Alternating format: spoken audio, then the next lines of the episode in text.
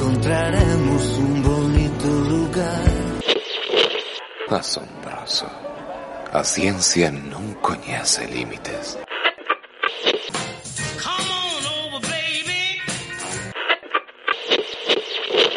Acaba de sintonizar vostede Valeiro Perfecto.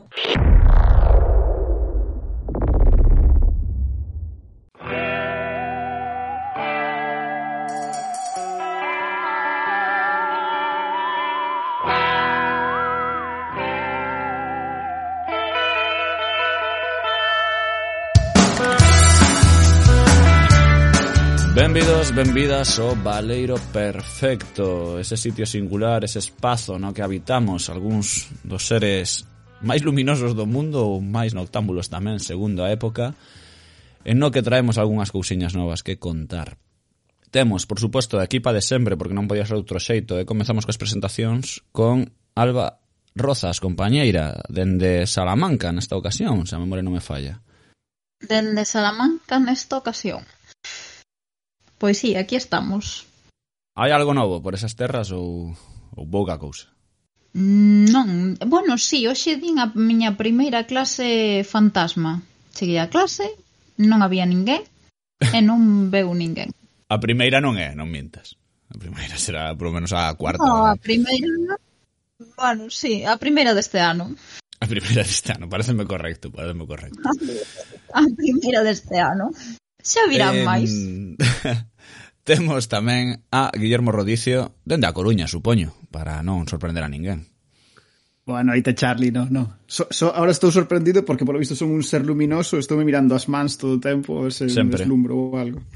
Nunca se sabe quen pode traernos regalos envoltos nun, nun, nun manto de luz, sobre todo cando é Nadal. É verdade. O sea, que nunca... Non imos dicir que non a esa definición. Todo ben, compañeiro. Todo moi ben, todo moi ben, sí, sí. Aquí sacando doutorado. Mm, está, está sacando, pero que ten doutorado, como temos que recordar ou lembrar en cada programa, é o do noso doutor, que tamén é doutora e primeira, ademais, antes que a él, Alba Rozas, pero temos a Pablo Pesado, Pablo Heavy, é o noso doutor de referencia, porque é o máis o noso querido doutor nesta época, non? Compañeiro. Que tal, xente? Que, que enlace tan bo ese, eh? moi ben forzando. Viches eu... como a veces saco esas dotes de comunicador. Sí, sí, sí. Increíble. Magnífico, magnífico. Parece eu que está escrito. Un pouco un pouco agobiado porque estou intentando conseguir bolsas para poder seguir sendo doutor que fai cousas de doutor. Uh -huh. eh, a pinta non é boa, así que um, pff, bueno, pouca dura. Coa calma. Vos sabedes, el Pablo, eu vou vos contar un secreto aquí, un, un segredo destes íntimos. Pablo di que está agobiado por isto, pero eu sei que está agobiado porque hai un xogo que vai ir en breve que é de uh. señor Hidetaka Miyazaki. Eu sei que Pablo leva días pensando que vaya putada sería morrer antes da saída deste xogo. Buah. Entón está tendo certas palpitacións. Hoxe estaba, eh... estaba no gimnasio e eh, empecé a toparme mal, do meu baixo de tensión e pensei no tío, fun, fun como o, o rapaz do meme de dicir mierda, tío, mierda, voume perder o puto del ring non é así. Eu creo que xa cando isto xa, pues, xa estaremos jogando a Elden Ring, pero nunca se sabe, porque este espazo é singular, como xa sabedes, de tempo e de forma. Igual que temos a Darío NJ, o noso querido Darío MJ, compañeiro. Ola, que tal? Boas noites a todos. O de doutor, eh, imagino que Pablo estará buscando cousas para seguir facendo de doutor, eh, cousas de doutor que é eh, comer, non? Unha delas. A delas. Pero bueno, sí, o resto todo ben aquí tamén como Reicio tomando apuntes aos doutores, Está, Uh. Está caro comer últimamente, tamén vos lo decimos, o sea, xa hai que ser doutor, está un pouco caro comer. Facemos o do for... príncipe de Beler. Polo eh. noite sacamos o doutorado. o graduado. O doutorado, non? Neste caso. Claro, claro. Um, sesa como for, temos un programa por diante eh, Así que, como sempre fago Imos poñer unha cita E os que non saiban ler, pois non saben de que vai o programa, os que saben ler, sí, pero, para se acaso, polo sí ou polo non, pois tendes aí esta cita a ver se adivinhades de que vai o programa de hoxe. Vistas as circunstancias non o fixo mal, doutor No. Non sabe ata que punto me foron adversas. Fun o fillo non desexado dun misioneiro alemán e dunha rapariga chinesa de boa familia. Así é todo convertínme no tesoureiro da sociedade criminal máis poderosa da China. Pareceme raro que os Stones confíen en alguén que non sexa completamente chinés. Dubido moito de que o volvan facer. Fuxín a América con 10 millóns dos seus dólares en ouro. E así puido financiar esta operación. Foi unha boa idea empregar a forza atómica. Celebro que a saiba manexar adecuadamente. Sería horrible que a súa cámara de descontaminación non fose efectiva. Traballei a reo para coñecer mellor que a ninguén a radioactividade. Pero a un custo moi caro, como poden ver. E, efectivamente, imos falar pois de doutores e de doutoras, non? Eh, ese espazo singular do que aquí neste dese concreto, perdón, desa definición singular de doutor que neste en este espazo temos a dous, temos o a como xa dicíamos ao principio, temos aquí ao señor Pablo e a señora Alba mm, e o resto, pois somos unha puta plebe, non nos dá pois, o que hai, eh, de momento, polo momento é o que temos, eh, temos que convivir con isto, pero imos falar de doutores. Isto creo que eu non sei se nos ocurrió a nós ou foi despois de que alguén o recomendara. Eu sei que temos un bo ouvinte como é o señor Rubén que algo falara de doutores e que tiñamos que facer un rollo destes, pero non sei se chegou antes ou despois do, do que nós mesmos xa propuxéramos. Non sei ti, Rodicio, se tes unha mente privilexiada para as lembranzas ah. e... Se sabes Eu penso que Rubén suxeriu o tema dinosauros, non o de doutores, non? Ou engánome? Eu creo no sei, eu penso que Rubén recomenda a todos, o sea, básicamente Eu creo que Rubén sombra, temos unha e como xogamos a publicalos antes ou despois nunca queda claro realmente, non? Como é como é o conto, pode ser. El xa sabe de que van a ir os seguintes cinco programas, en realidad. El está É o membro honorífico claramente. É o Rubén, podes dicirnos cal vai ser o os estudiamos que invitar. Deixa os comentarios. Deixa nos comentarios aí cales van ser os cinco seguintes. Así son temos que pensarnos. Sexa como for, pois imos falar de, de doutores e doutoras eh, algúns que se me van ocorrendo así de cabeza, ¿no? o que temos por aquí xa anotados nunha longa listaxe que podría ser infinita, porque hai demasiado na ciencia ficción e na fantasía, pero Temos a, o Doutor Fasto, o Doutor Zaius, Doutor Jekyll, o Doutor Strange, Doutor Watson, No, Maligno, Aníbal, Manhattan, Doutor Giro, Sla, eh, o Doutor Slump, Octopus, Connor, tamén de Spiderman, non? Isto, a verdade, en Marvel, cuidado, en Marvel cos doutores hai que ter moito cuidado sempre. Henry McCoy, como decíamos, por poñer un bo, neste caso Bestia, non? O mítico do Patrulla Xe, a Bruce Banner tamén, pero temos logo Zoiber, non? un clásico doutor de Futurama, temos a Chris Kelvin de Solaris, E non sei, eh, podíamos citar moitísimos, pero creo que antes disto compré falar das nosas primeiras veces con doutores. Eu xa sei que temos unha real, que probablemente cando imos ao médico ese pediatra, pois nos oculta e nos di que temos varicela, pero antes diso, perdón, despois diso creo que podemos avanzar na nosa propia intelectualidade e dicir cal algún trato que nos que sexa máis interesante que ese para pa xente que está por aquí escuitando isto. Así que Alba Rozas, compañeira, eh, primer contacto con doutor do que ti queiras que sexa doutor, eh? non ten que ser en medicina. Mm, pois mirade, agora que o estou pensando, pensando, pensando, a primeira vez que fun consciente de que estaba en contacto cun doutor foi xogando a Pokémon cando che daba as instrucións para empezar nos primeiros xogos o, do, o Doutor Oak. Uh -huh. E che decía, eu son o Doutor Oak, benveni, ben, ben, benvido a Pokémon e ao mundo de Pokémon. Este mundo está habitado por unhas criaturas que se chaman Pokémon. E despois daba a Pokédex, o primeiro Pokémon. E ese é a ese primeira... Biólogo, ese, do, o doutor Carballo sería biólogo, verdad que non sei. Eu non é por atacar a acreditación de Oak, pero que eu saiba non ten o doutoramento. É profesor Oak, é certo. Ah, amigos. Pero a bata, a bata non dá Pero claro, o da bata sí, sí. No, eu na miña na miña cabeza ese home era doutor. Así, pasa, pasa, sen problema. Non hai problema. O sea, se ti crees no, que, ei, Alba, Alba, se, se ti crees que seas doutor, eu creo que todos afirmamos que o profesor Oak pode ser un doutor, perfectamente. E ten sentido narrativo. Mm. Así que... Porque ese é o teu primeiro, perdón, eh, Alba, é o teu primeiro entón, considera... Oye, un bo recordo, sí, quero dicir, eu... está ben traído, eh?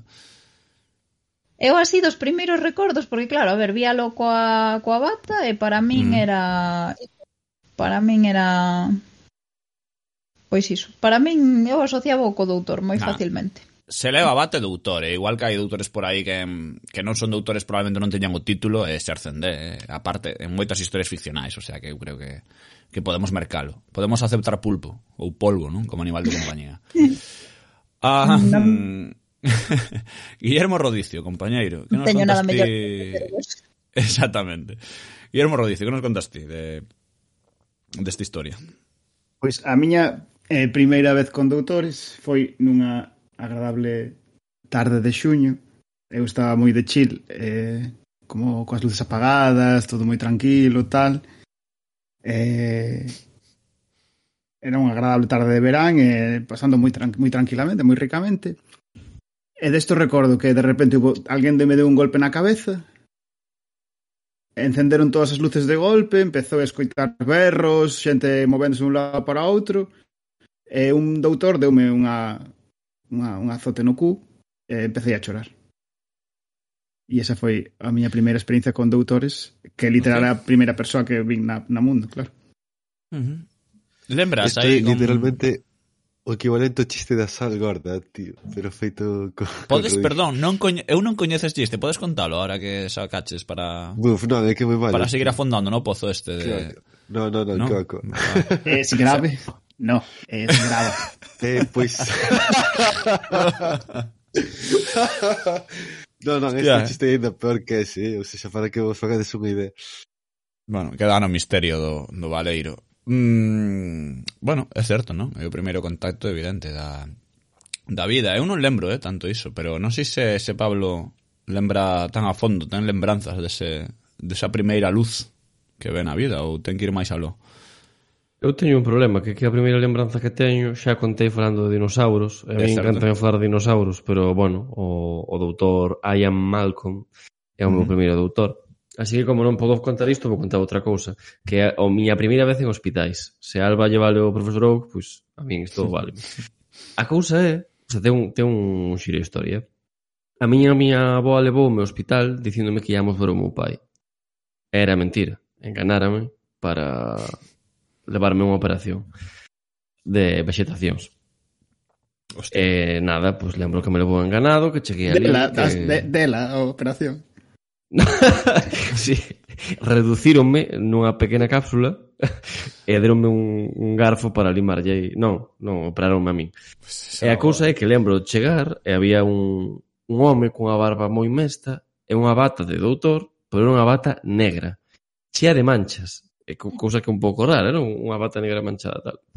Bueno, a cousa é que, pff, aos meus pais que por que me levara a miña avó de pequeno, que como me enganaran así, que que malo pasara, que que medo, dime que iso nunca pasou.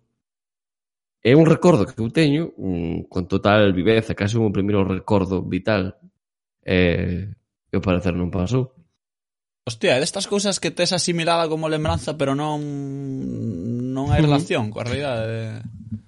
Sí, a mí unha cousa que me pasa moito, é que soño cousas e incorporoas na realidade e xa son incapaz de mm. dicir pois, pues, como pasaron. Pasan, por exemplo, cunha librería de vello de Ferrol que lle inventei a, o mobiliario, pero sí, a miña primeira conductor non... non aconteceu. A mí iso non me pasou tanto, pero si sí teño historias ou anécdotas que realmente as que a viviu so, é a mi irmá, que é maior que a min, pero de tanto escoitalas eu, ou que as conten, ou que non sei que, penso que son eu os que, o que era protagonista desa... De desa movida. Non sei se vos pasou alguén con máis xente irmáns ou irmás ou o que sexa, pero a mí esa movida de ter certas lembranzas que realmente non son miñas, pero de tanto que se escuitei, de tantas anécdotas tal, penso que están asociadas co conmigo nese intre de, de infancia, e non... Eu teño o revés. A min contame historias que fixen, pero estaba tan borracho que non a recordo.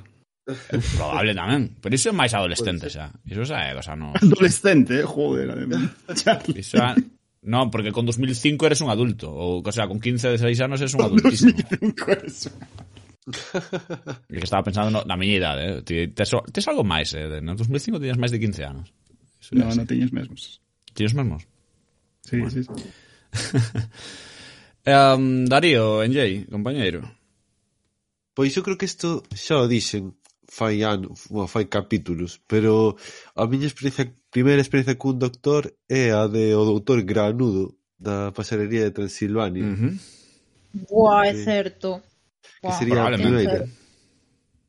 É certo, é, certo. É, bueno, o doutor das supernenas e cousas así, o sea, é que nos debuxos hai moitísimos doutores, entón Pero o doutor Granudo era médico ou era doutor en, en outra especialidade? É que é unha boa pregunta, porque non estou seguro. Igual era doutor, pero en estudos vampíricos ou algo así. Pero en, tra no sei.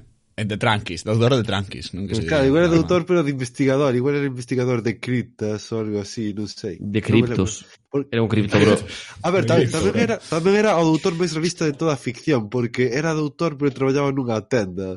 Entón, é, eh, o que, O sea, xa vai como avanzado nos anos, porque os doutores agora mesmo, en no. xeral, tiran a ser mortos de fame, pois este tipo era morto de fame na serie, xa, sabes? Entón, ian aí anos por diante, sabes? O sea, xa... Uh -huh. No sé, a xente cosa... buscando predicións nos Simpson hai que buscalas na paxarería Transilvania. Efectivamente, tío, efectivamente. Ah, boa, sabedes cal é o, sabedes sí. cal é o meu primeiro doutor? O doutor Gam, do inspector Gadget, oh. Ahora acabo de dar conta, o malo malísimo do Pero Inspector ese- Gadget. Ese, no, como se chama? Doutor Mad, non? Non era Doutor Mad. Eh, Sí, non? Era, é que non sei o Sí, nome ¿no? exactamente en castelán. É que non sei como se traducía que aquí. che Eu acordo do... descontos calados, flipando. Que sos A Alba? Creo que está o Estou- Doutor Mad hackeando a Alba. estou, eh. estou, estou. No, eh, o que pasa é que la ten máis retraso que a ti, entón tarda un poquinho máis en contestar. Ah, perdón, perdón. Hoxe está o día, temos o día increíble hoxe, eh? No, Todo vai sair mal. Ten máis retraso que a ti. Joder. Gracias, eso sonou precioso. Pois o, o doutor Matt é a miña primeira experiencia con doutores acabome de acordar. O doutor Gange este do malo do inspector Gadget, que só se lle vi a man. Sí, sí. E o gato. Doutor Matt. O gato, algún momento... se chamaba o gato? Non me lembro agora. Non me lembro. Ni algún momento da serie che, chegábamos a desver... chegábamos a velo. O sea, eu... Sí, era no, o final, no, no. O final da serie. O final de todo sí que se vía o sí, fulano. Sí, que va. Sí, sí. E descubriese que era Non, doutor no. en xeografía. Hostia. Pola USC. Xa non a vin vir, eh. non a vin vir. Joder. Um, pois eu así de, de doutores e tal recoñezo que que está poñendo uns exemplos moi eh, moi interesantes. Eh, pero para min o doutor non foi o primeiro que, que vin, evidentemente, nin que me quedei con el. Pero este sí que me produxo especial magua, porque creo que anticipaba o concepto do doutor que tería cos anos, eh, fora dos medicina, que era o doutor Otacón, que estaba en Metal Gear Solid. Eh, era un pobre home que, que estaban a punto de, de aniquilalo ali, Grey Fox, eh, M. Snake pois pues, consigue salvalo, pero que ademais tiña o puto camuflaxe óptico, que é o mellor invento que hai na historia. El tiña un, e non entendo por que tiña un fucking camuflaxe óptico, co que se podía mover invisible pola base, pero pero parecíame un, un mellor invento de, que, oye, podes darmo? Non, dasmo se teño que acabar o xogo, bueno, xa sabedes como isto, pero o fucking do Trotacón, que era, bueno, xa o propio nome, non? O Taku, xa facía un pouco a broma Hideo Kojima con iso.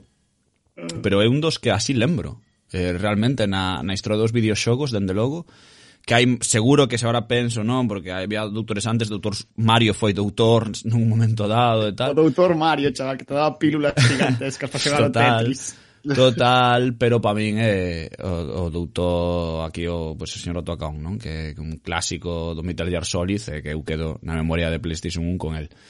Entón, esa persoa que me parecía ademais ultra bondadosa nun mundo de asasinos, eh, no que se vía envolto el nese primeiro xogo, pois sempre, bueno, no primeiro xogo non, pero sino Solid, na saga Solid, así que sempre teño un respecto profundo ou fondo cara, cara a este señor.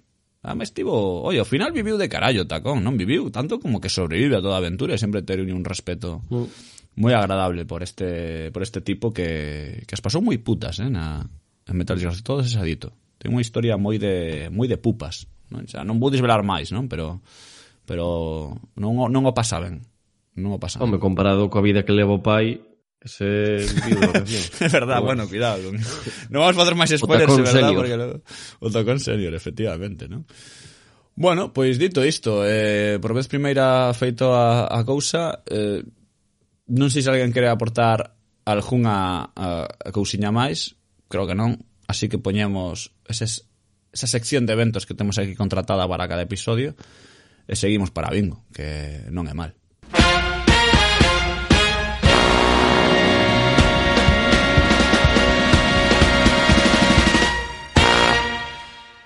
Así que veña, definindo a movida esta, definindo a cousa, o mellor todos sabemos o que é un doutor, pero creo, sempre coido que Alba sempre nos pode guindar algo de luz hacia hacia a verdade cando falamos ben. Así que, compañeira, tú é a palabra. Pois aí vamos. Eh, imos ver, así para comezar. Unha das principais funcións e atractivos da ciencia ficción, segundo apunta o doutor eh, Miquel Barceló García no seu artigo Ciencia e ciencia ficción, é o de especular sobre a resposta humana aos cambios no nivel da ciencia e da tecnoloxía, segundo, pois eso, segundo operaba Isaac Asimov, que era eh, divulgador científico e famoso autor de ciencia ficción, como xa todos sabedes. Sabemos que a ciencia ficción empezou a facerse popular nos anos 40 e 50 do século XX, precisamente cos científicos. Isaac Asimov pois é o exemplo máis evidente, era o doutor en química e foi profesor universitario, logo está tamén Arthur C. Clarke, que foi un dos pioneiros nos estudios da astronáutica e foi o primeiro en propoñer o uso de satélites xeoestacionarios como, como nós de comunicación, non? Logo tamén hai outro, Robert Heinen, que foi enxeñeiro naval. A listaxe podría ser moito máis longa e pode incluir nomes que unen nunha soa persoa as capacidades do científico, do divulgador e do novelista de ciencia ficción, non? Como ocorre cos xa mencionados. E a definición de doutor que vou propoñer entón hoxe aquí e agora neste valeiro perfecto, pois empata un pouco coa destas figuras, non? Hai moitos autores de ciencia ficción que dispoñen de sólidos coñecementos científicos que utilizan pois amplamente nas súas narracións, como poderían ser Gregory Benford, David Brin, Robert L. Forward, non confundir con Robert Howard, e moitos máis. Eh, claro. Que, por exemplo, eh, xustifican co seu saber a seriedade do carácter especulativo pois deste xénero da ciencia ficción, que se basea en ciencia e en tecnoloxía tanto, o que imos entender por doutor ou doutora neste valeiro perfecto é que deben ser científicos e protagonizar unha narrativa que presente especulacións arriscadas que nos fagan meditar sobre o noso mundo, a nosa organización social ou sobre os efectos e as consecuencias da ciencia e tecnoloxía nas sociedades que as utilizan que dicir que deben dar cabida á vertente reflexiva da ciencia ficción e para isto debense axustar a unha segunda característica, da que xa falamos no primeiro valeiro perfecto, de realizar unha narrativa contrafactual, baseada na seguinte premisa, que sucedería se en torno á hipótese que se consideran eh, na liña do xa dito extraordinarias ou prematuras na nosa cotidianeidade. Como cronías tecnolóxicas, unha cousa así interesante esa idea. Básicamente. Ben, pois eu vou intentar complementar un pouquiño a, a definición que trouxeches, pois como sempre tento facer, non? Indo un pouco cara ao pasado e, e vendo que consecuencias ou conclusións podemos tirar diso. A comezar diría que doutor procede do, do latín doctor, que é un substantivo que en xeral servía para referir todo aquel que podía ensinar un saber. É dicir, en xeral, eh, perdón, é dicir, aquel que, que era profesor, que podía docere. A palabra chegou a nós, porén, a través doutra vía, eh, fundamentalmente eh, na Idade Media, a través do corpus doctrinal do cristianismo. Na, na igrexa cristiá, doctores eran, sobre todo na, na Alta Idade Media, os os apóstolos e, ou, e os pais da igrexa, é dicir, figuras centrais cun saber recoñecido que configuraban a, a doutrina para todos os crentes. De aí pasou, mm, andado o tempo, a todos aqueles que tiñan coñecementos sólidos de teoloxía dentro do propio corpo eclesiástico e que estaban probados a través dun, dun exame, dunha serie de mecanismos e, e probas para verificar, en fin, que eses eses coñecementos estaban probados, non? A cousa é que o título gozaba de tanto prestixio que pouco a pouco, sobre todo a partir do Renacemento, comezou a ser aplicado a novas persoas sabias, digamos, laicas, exteriores á igrexa ou simplemente que non tiñan competencias en teoloxía. Desta maneira, doutor foise convertendo nalgo así como aquel que ten licencia para ensinar. Unha licencia que a universidade foi monopolizando, especializándose en conceder, de tal maneira que se ti querías gozar dese título, que era, por decirlo de alguma maneira, o título oficial de sabio en Europa, tiñas que pasar por, por eses circuitos universitarios, non? En fin, desta maneira volveuse inaccesible a uns poucos escollidos que foron adquirindo pois un, un gran prestixio e, por tanto, un gran poder político. Algo disto tamén hai no uso de doutor como sinónimo de médico, non? Que a mm. outra acepción principal. Inicialmente os médicos eran doutores pois porque recibían ese título distintivo de sabios, digamos, non? A cousa é que como eran os únicos sabios con que entraba en contacto unha parte importante da poboación, pois acabaron asociándoos a, a propia idea de doutor, non? Estes eran o, o sea, doutor significaba para eles a xente que te cura, digamos. Refírome a xente da a xente do común, a xente de enclaves rurais, cidades pequenas, pois os únicos doutores con que entraban en contacto eran eran estes médicos. En fin, todo isto que veño de apuntar pode parecer así moi distanciado da, da ciencia ficción, que é do que tratamos, mas non, non está tanto, penso eu, porque na historia deste concepto hai moitos significados, eh, simbolismos, que son moi relevantes para entender eh, o papel que xogou a figura do, do autor na ficción en xeral, na literatura, na, no cinema, diría que esta figura reúne tres grandes núcleos semánticos que compre debullar e que seguro que iremos pois, pouco a pouco analizando neste valeiro. Por unha banda, o do home experto nos saberes ocultos, que proviría desa rama teolóxica, o de persoa con autoridade intelectual, fundamentalmente unha autoridade intelectual que pode exercerse de modo político, que ven desta, deste carácter administrativo, burocrático, que sempre implica recibir o título eh, máximo de sabedoría. E, por outro, eh, por outro lado, e por último, o de sabedor dos misterios da vida e da morte que procedería da, da parte médica, non? moitísimos doutores da, da ciencia ficción xogan cos límites do humano, usan os seus coñecementos médicos para experimentar eh, pois iso coa, coa morte, coa inmortalidade, coa, coa mellora xenética. E xa por último, para acabar e, e ver, en fin, se podedes, se algo que, que vos chamase atención do que comentei ou algún fío do que poidamos tirar, diría que a hora de interpretarmos un pouco o, o papel que xogou o doutor nos últimos sobre todo nos últimos dous séculos que máis ou menos desde que a figura se volve tan importante, inda que evidentemente pois eh, o doutor Fausto ten moitos séculos de antigüidade nas súas distintas iteracións, non? Mas o, o papel fundamental que xoga actualmente penso eu, é un pouco a nova encarnación do home sabio, do mago, do oráculo, do consellero real, típicos da, das ficcións arcaicas, digamos, que no noso mundo posterior á revolución científica, secularizados, se queredes, pois xa non, non entran tan ben, non? Desta maneira, pois é algo así como un Merlín reconvertido, mm. para novas funcións no, no mundo da ciencia ficción. Non sei como que vos parece esta hipótese. Mm.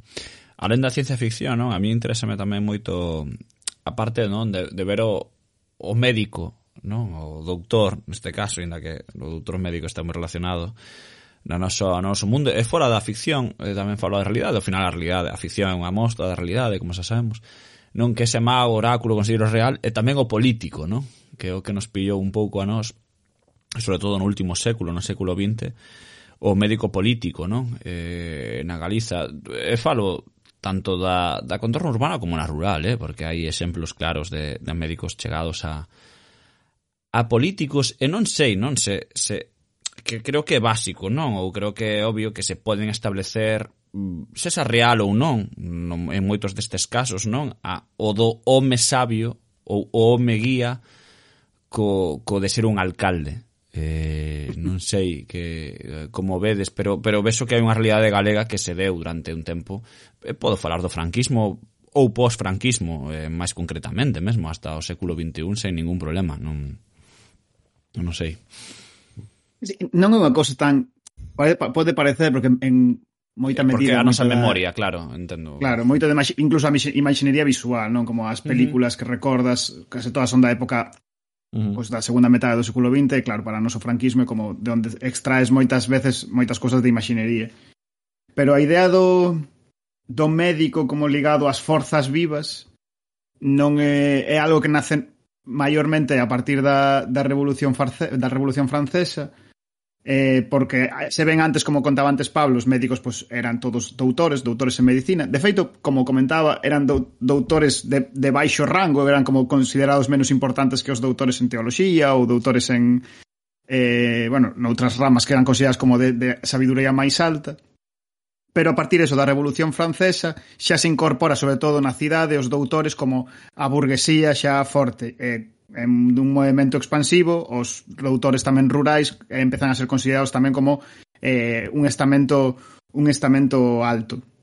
Neste sentido, hai un libro moi interesante que gañou o Premio Risco hai uns anos, que é de Enfermos pobres, médicos tristes, que é unha historia crítica da medicina rural en terras esquecidas, de Roberto Fernández Álvarez, onde conta moitas cousas sobre, bueno, conta moitas cousas en xeral, pero tamén fala da socioloxía e da relación médico-paciente na Galiza, na Galiza rural do, do século XX, e onde podes eh, é interesante por, por, por relacionada como que falaba Pablo, non? Como a figura do médico vai se transformando pouco a pouco eh, no, nun ambiente social moi transversal que vai dende as cidades, o rural, dende a xente máis rica, a xente máis máis pobre, nese elemento de intelectualidade que se cuela na túa vida na túa vida ordinaria, non? Que se que se que podes ver como se fose a versión do do visir real, pero tamén para todas as persoas, o coaxudante constantemente. Joder, estou pensando xusto que todo o que ves de, descri de describir a parte da, do ensaio que propós onde mellor se ve é Madame Bovary directamente, non? Pues, mm. Precisamente iso, o, o poder e o capital simbólico que ten un médico nunha vila de, de provincias despois da Revolución Francesa, claro. A ver, eu tamén cosa nova, sí.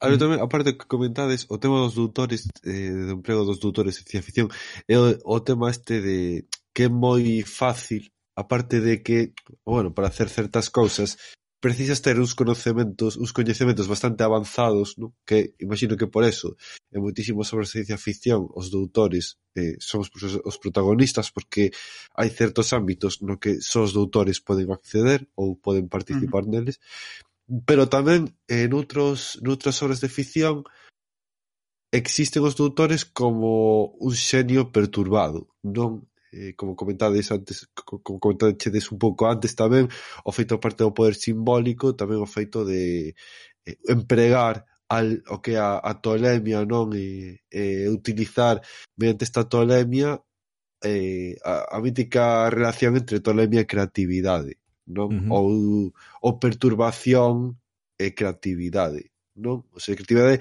no mal sentido, non? O outro tamén no bo sentido. Podese facer eh, en relación en relación co poder, penso que é guai pensar o capítulo de hoxe como nunha especie de reverso tenebroso do capítulo que fixemos dos magos. magos mal. Podía ser, non? Pero, pero sí que había un, un, un conglomerado conxunto de doutores, non? Na sociedade durante un tempo sí que houve ese contrubenio, non sei se é a palabra. Pero porque eu lembro que falaban meu, meu tío, meu tío podría ser o meu abuelo, non? Eu son de de mai moi moza frente aos pais na época. Eh, entón, o meu tío contábame, non? Por exemplo, que en Palas había este tipo de, de reunións que eran moi habituais, sobre todo na, en épocas máis escuras, que se daban nas reboticas ou tal, falo de, de médicos ou farmacéuticos ou boticarios exiliados, non? Que se chamaba exiliados, o que eran eran mm. simplemente, mm. pois evidentemente como non podías matar a todos os médicos nin a todos os, os farmacéuticos ou todos os intelectuais que estaban contra Tino Franquismo, pois evidentemente mandabos a, a X pueblos, non?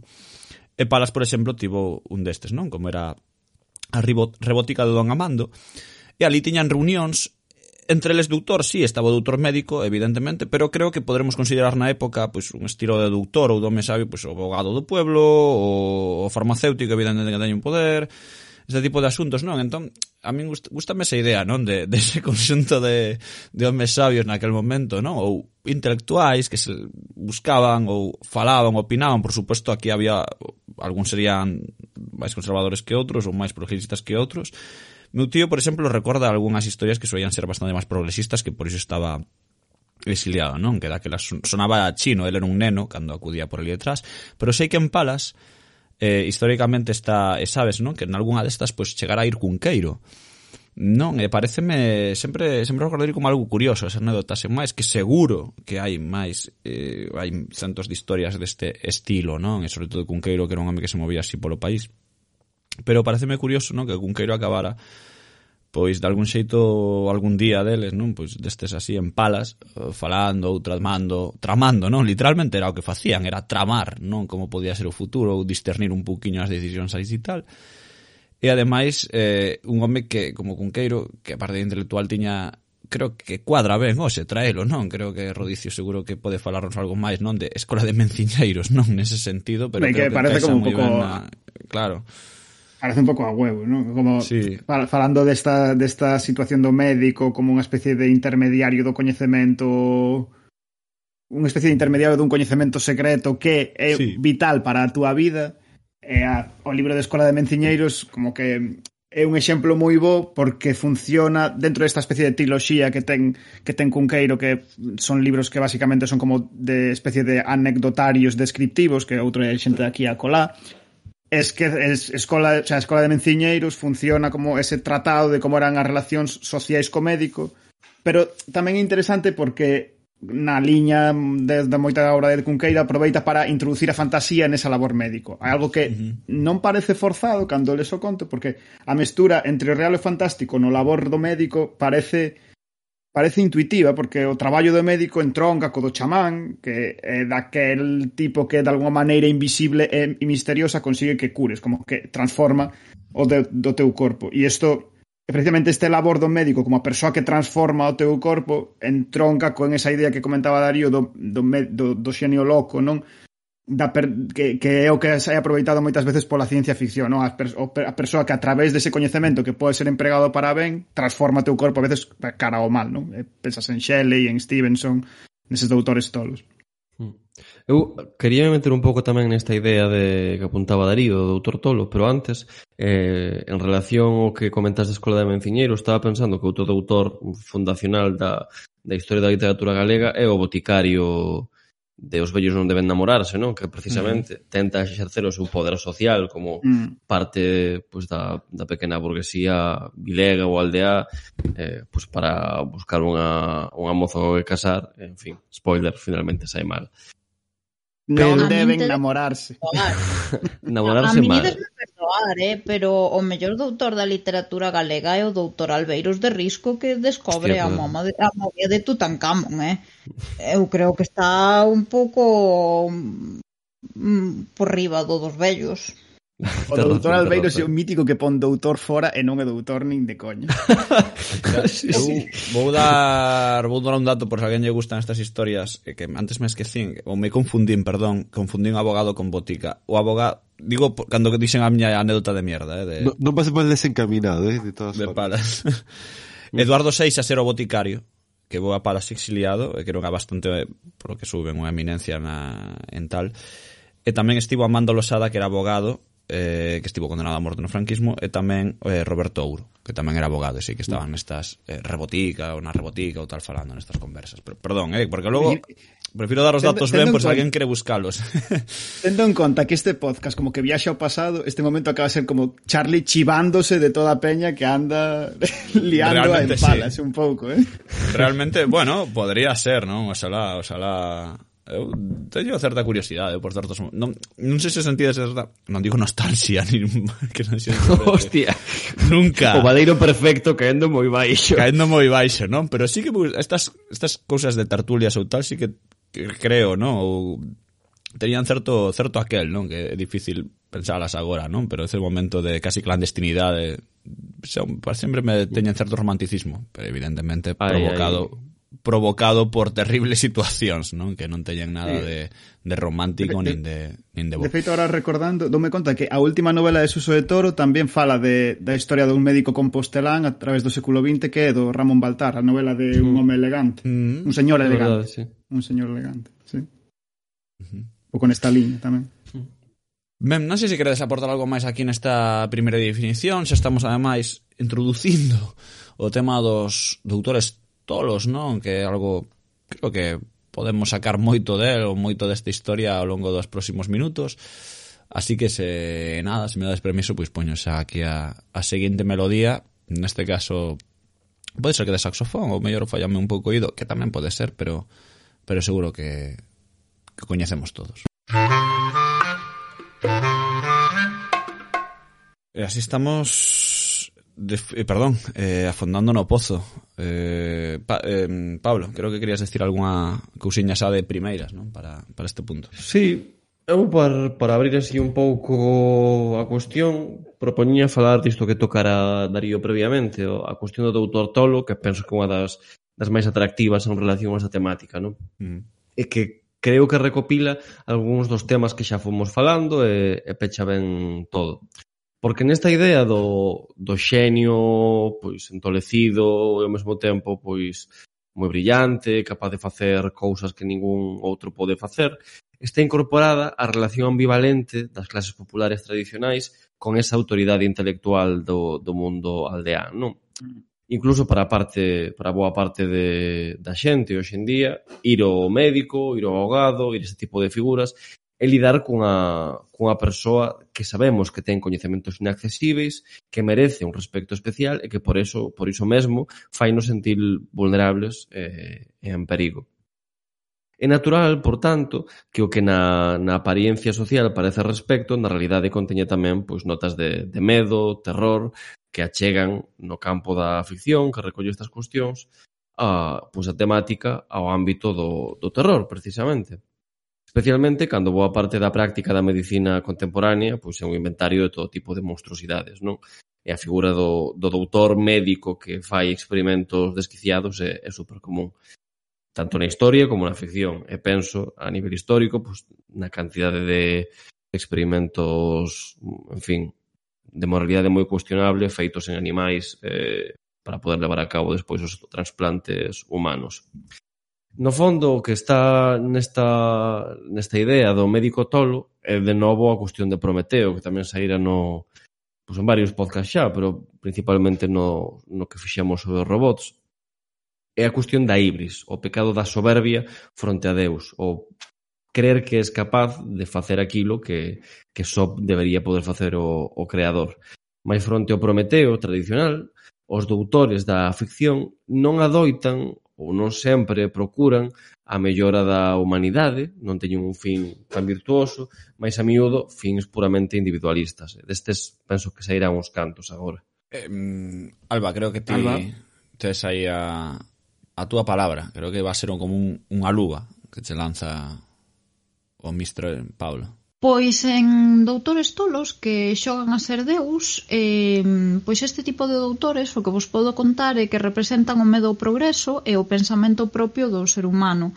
E por este motivo aparecen representados como extremadamente excéntricos, con raros costumes e pouca capacidade de socialización, así en xeral. E esta caracterización estaría vinculada coa alquimia, coa alquimista, unha das formas máis antigas de pensamento e de teorización para modificar as condicións da, da nosa vida cotiá e íntimamente relacionada co ocultismo e a bruxaría, non? Nacen así dous doutores dos que non se pode deixar de falar, que serían Frankenstein e eh, o doutor Jekyll. Eh, detrás do primeiro é posible, é posible, isto estiven indagando, que estivesen as figuras do teólogo, alquimista e científico do século XVII, Johann Conrad, eh, Conrad eh, Dippel, creo que se lee así, quen tiña a teoría de que dun aceite que se extraía da mestura e fundición de osos de distintos animais podíase conseguir un elixir que prolongase a vida. Outra das figuras por detrás de Frankenstein sería a de Giovanni Aldini, que estaba convencido de que as enfermidades mentais eh, se podían curar con descargas eléctricas, e a mm. teoría do electroshock, de feito, ven de aí. E despois, coa literatura, que a variante terrorífica e tétrica do romanticismo, o humanismo entra en conflicto cos descubrimentos científicos e entra en xogo a figura do home de ciencia como alguén que desafía todos os coñecementos místicos e relixiosos que explicaban o mundo. Entón, aquí a cuestión que estaría en xogo é a de eh, os doutores dos que imos falar serían viláns ou serían heróis? Eh, eh heróis que se volten eh, de Mary Shelley e o doutor Jekyll e eh, Jenkins de Robert Louis Stevenson representan o primeiro o desafío humanista definitivo que é crear a vida a partir da morte, mentres que o segundo indaga nos abismos da mente para separar de maneira artificial o ben e o mal. Sí, que está, está guai, o sea, visto en perspectiva, se ledes, se ledes hoxe Frankenstein é unha novela que sigue sendo super interesante precisamente porque se aproxima a toda esta problemática de unha maneira moi moi ambigua e moito menos maniquea do que son as versións modernas de Frankenstein, sobre todo as cinematográficas. Porque é, é, é certo, de feito, en, en Frankenstein faise de maneira directa, por exemplo, falase de que Víctor de novo estaba como obsesionado pola alquimia, pero despois empeza a traballar na universidade, esquecese de todo eso. Hai como unha doble idea de ciencia boa, ciencia mala, coa que todo o tempo está, coa que todo o tempo está toqueteando Víctor, e só cando se obsesiona de maneira insana con determinada ciencia, acaba creando o monstro que despois pues, acaba da, levándolle ao como a un recuncho moi escuro de si sí mesmo e toda a ibris que comentaba Pablo do, do Prometeo que crea vida e despois se arrepinte da súa creación, non? pero pero vense as dúas as dúas cousas, eh, dentro da propia dentro da propia novela de de de Merixilla non é un alegato anticientífico, non é un alegato anticientífico, a pesar de que pode ser un pouco a idea xeral que podes pensar despois, é moi ambigua. Eh, que creo que é un conto, non? Un conto tenebroso, non? Eh, eh, no, non, non con excesiva ensinanza, non se me explico, non? O que diste, non? Que é moi ambigua, non? Tanto está a ciencia mm. boa que fai do tal e incluso discurso máis cristián, non? Supoño no, no momento de criticar a ciencia por excederse, non?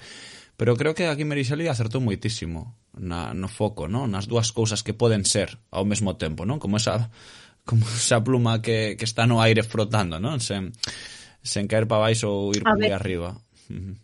E tamén saber un pouco en que dirección vai a creación, non? Quero dicir, si sí, o uh -huh. ser humano pois xoga a ser Deus, pero xoga a ser Deus para que? porque ti creas o claro. monstro de Frankenstein e logo para que o creas, que fas con el, como vas eh, a cuestión é esa, como vas tratar, como vas socializar. Moitos mm. dos comportamentos de Frankenstein xustifícanse polo desleixo do seu creador e xustificos así a, a propia criatura. Entón é como, si sí, moi ben, xoga a ser Deus, pero eh, para que?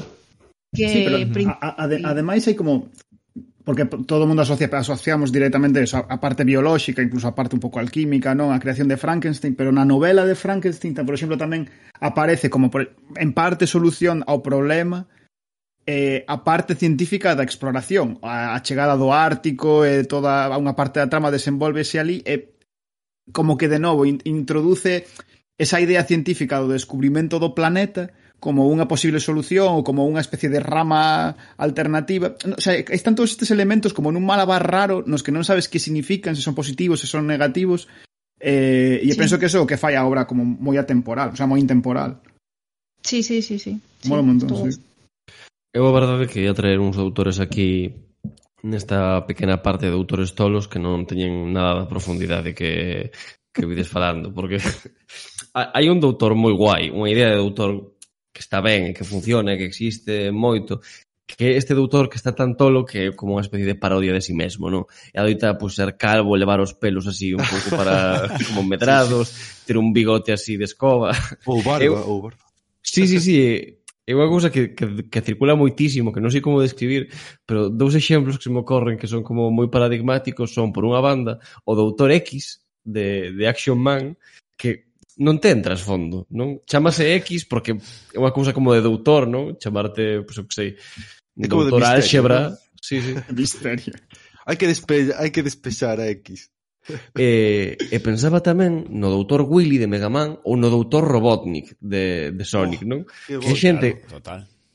que está bueno, colgadísima. Eggman, agora Robotnik. É que hai un tema traductolóxico aí. Ah, o sea, ah, Eggman foi desde o principio ou desde o xogo 2, non sei. Pero, bueno, eu sempre o coñecín como o doutor Robotnik. Outro que lle regalaron o doutorado. Mm. pois si, sí, esta xente que, que se dedica pues, a facer robots para facer cousas malas en xeral, non? Non é, uf, bo, non, ten un conflito aí ético, moral, chungo, porque quere curar o cancro da súa filla. Non, non, quere encarcelar paxaros. O doutor Robotnik o que quere é coller os animais e metelos en gaiolas porque lle gusta, non? Eh, non sei, parece moi guai. Por certo, sí, buscando información sobre, sobre o doutor, o doutor Xe, realmente, a ver quen era, non? Se tiña lore, atopei unha wiki dedicada a Action Man eh, e foi moi guai porque a, había como unha pequena información escrita moi seriamente que poñía o seguinte. Así, traduzo así rapidamente. Para aqueles que se pregunten, recibiu o seu doutoramento en física teórica da Universidade do London College no Reino Unido, tendo completado o seu graduado e un ano de traballo como científico loco asistente para o Servizo Nacional de Saúde. eh, moitas como cosas dos británicos, sí. Claro, claro, un lore raro para Action Man, non? Atopar ese tipo de información pois de carreira académica na caixa do, do boneco que mercabas cando tiñas 10 anos. Ven o expediente, ven as notas que sacou no grado de, de, claro, científico, de científico loco. Eh, por, por manter un momentiño a miña tendencia a explicar memes eh, neste, neste podcast, vou falar do... É que hai un meme, falaches do cáncer, non? De que estes doutores poderían estar curando o cáncer, pero fan outras mierdas, non? Entón había unha viñeta mítica de Spiderman na que vai a unha illa onde está este eh... doutor, non me sale o nome agora, non lembro o nome, a verdade. É como se fose este... o doutor Muro, é como se fose o doutor Muro. Sí, exactamente, é que é unha gran inspiración nisto, non? E el como que converte en dinosaurios a puta peña, entón Spiderman non como que di, pero tío, eh, podrías estar reescribiendo, do... o sea, reescribe o ADN, non sei que en tal, podrías estar curando cáncer, pero faz dinosaurios, e el, bueno, pero é que eu non quero curar o cáncer, eu quero convertir as persoas en dinosaurios, non? Como argumento máximo da, da vida. Este meme xa foi explicado aquí, penso eu, non? O falamos del, pero non creo que falamos del, non, pero bueno, creo que acontecía traelo de novo. Non sai uno en directo, en directo non sai uno. Pode, Estamos nun lazo temporal constante. non sei se hai un directo, pero pero creo que comprend... Oxe, como doutores tolos, creo que comprendía traer a, a esta viñeta que é un clásico absoluto de internet E a verdade é unha miseria de verdade dos doutores tolos, non? De podes facer o que te sale dos huevos porque tes aquí, non sei, convertes as personas en dinosaurios, pero non podes curar un puto cáncer, non? De, de colon, pero ok, de acordo, tío. Entón ten a Pero súa... bueno, realmente- Ten o seu aquel. Uh -huh. Sí, sí, é que é curioso iso, que, joder, teñen aí un exército de esbirros, pero non, non poden facer a paz no mundo, teñen que cargarse o sol, tío. Sí, bueno. Pues que conste que hai un, unha subsaga de Spiderman, non sei se coñecedes, en que o Doctor Octopus entra no corpo de Spiderman e decide ser bo e usar pois, oh. os coñecementos científicos e os seus séquitos para facer o ben. E que o ben? Pois formar un exército fascista que controla toda a cidade de Nova York, usar drones para vigilar o crime e a utilizar a peña, montar Uy. megacárceres, en fin. Ás veces pasa. Mellor que se dediquen a outras cousas, non? Acabas de definir a Estados Unidos. No, pero é unha... Pero isto que trae Pablo e en xeral, sí, o sea, reflexionar sí. durante máis de 30 segundos na, na puta viñeta de no, é que eu quero convertir as persoas en dinosaurios, plantea o problema de que a tecnoloxía, sabes, sempre a empregamos para cousas que son igual de random que calquera outra, non? E que eso, estes señores son malos, pois porque pois porque decimos que son malos. Porque estou pensando, por exemplo, na última película de Spider-Man, que agora xa hai un mes polo menos que saiu e se pode falar dela, nas mm. que parte da trama é de que os señores son químicamente malos e alterando parte da súa química os podes convertir en vos por algunha razón extrañísima. Uf, é moi fodido. E de repente son, é, tolísimo, é de repente son Eso é unha mierda. Iso é unha mierda. Sí, sí, sí. É que, a verdade, a, a min parece un... Percibo... Sí, perdón, Pablo, eh? o sea, pa, fala, fala, perdón, fala ti. Eh... No, simplemente que me pareceu aberrante estarlo vendo e dicir, sí. meu Deus, isto é pedagogía nazi, tío. Claro, que... sí, o sea, sí, é como... Eh, eh, a consecuencia sí. lógica é de, no, é que, a ver, se te, se te podo met, se me podo meter no teu cerebro cambiar tres chips, de repente podo facer o que eu quero que fagas e eso é o ben, o ben absoluto e claramente mm. o ben, sabes, mentras que mm. tiras malo antes. Sí, xa, é, eh, que parte é unha son as cousas moi barateiras, xa, además que utiliza a película que xa no, no seu día do outro autobús, perdón, en concreto, xa me parecía barateira que era que os tentáculos o facían malo a él. Xa me parecía como barateiro, xa no seu día de a tecnoloxía é mala e pode acabar contigo porque se mete na cabeza, pero nesta ah, bueno, película, pero eso xa, foi como estaba enfermo, sabes, era como unha enfermidade, sí, pero a sí, movida esta era que a súa personalidade estaba mal, estaban mal as súas a ver, a ver, mal, mal. dúas cousas. A primeira que eu penso que o que pasa na nova película de Spider-Man, basicamente, é unha forma moi elaborada e moi bonita como fai Marvel nos últimos tempos, porque ten moitos cartos, de facer lobotomías en directo. o que se lle practica a esa xente son lobotomías. Sois, sodes criminais, e vos meter un... Pues, unha agulla ou que sexa na cabeza para que deixedes de comportarvos de maneira errónea. Gordísimo. Pero fora, fora iso, quero facer aquí un alegato a, a favor, do, do do Verde. Octopus. Ah, vale. Tamén, tamén. Pero o, do, o doutor Octopus é certo que o comezo está tolo, pois porque os, os tentáculos lle fan mal, pero en Ultimate Spider-Man danlle como unha volta de porca a isto e fano super guai porque conseguenlle quitar os tentáculos e quedas en eles e descobren que non, que todo iso era unha explicación que a xente se montara pero que non era certa, que realmente bravo, bravo, atentos, bravo. atentos que o Doutor Octopus é capaz de escoitar os sentimentos e os pensamentos do metal Hostia, puta. o tema é que ten como unha relación sentimental moi dependente, moi tóxica coas cousas metálicas. E, e nada, é capaz de a facer que o metal se chegue a el e que se dispoña en forma de tentáculos. Pois unha, unhas potas, pois colle unhas potas e enganchas allí como brazos. Oye, é unha, Marvel, unha volta fan. super guapa, de verdade. E xa, isto xa ten anos, debe ter como 15 anos mínimo. Pero eu... non sei. No, no, maravilloso, maravilloso. Non coñecía eh, a de, a de ese xiro, pero parece maravilloso. De... Pero igual que me pareceu maravilloso o Duende Verde, de que nesta peli di que me la suda todo. En plan, en plan, tomar por culo, coño, en plan, que son malo, hostia, a ver se entendedes mal, que me queres deixar de vivir, pois pues clavo a puta faca, non te sabes, en plan, de que, que non, eles, tío. tío. Eu acabo indo con eles, de verdad que quero que gañen os, que sí, os outros. Que sí, que hai un momento nesta peli, pero eh, que tío, que Son os que están loitando polos dereitos humanos. Neste, nesta película están loitando polos dereitos humanos Totalmente, totalmente. Tío. Que dixi, joder, o Electro... Sí, sí, perdón. Electro é o heroe da película fácilmente. un tipo que, que só, só quere pasalo ben, realmente. Sí, no? No, non fai dano a ninguén en toda a película, Electro. Gordísima. De todas é unha peli, é unha peli moi moi jodida, eh, a última. Sí, o sea, separas de Marvel, se, eu creo. Non, non, sí. pero separas esta última de Spider-Man analizar cinco minutos realmente o que fan os malos fronte o que fan os vos non sei que, pois pues temos de verdade estas hot takes porque son un un delirio, un así, delirio, un porque, delirio. porque un delirio, joder, a nivel guion ou a nivel ficcional do que está pasando realmente, o sea, ti vela Ok, vale, de acordo, un entretenimento por suposto, é moi lícito e podes pasarlo moi ben no cine chorar coa aparición de Tobey Maguire. Pero pero realmente un delirio, como di aquí Rodicio, que un delirio, rollo, pero que, que estás pasando lo- lobotomías, joder, esta puta peña en plan de no, no, vamos a hacerlo guay, joder, a ver, por favor, eh, tampouco eh, é así, o sea, Pero bueno, Estos son os certo, doutores outro, malos. Outro sí, tropo perdón, de, de doutor malo que, que comentaches era o dos pelámenes e hai un doutor alopécico malo que é o doutor maligno, tamén super icónico, eh?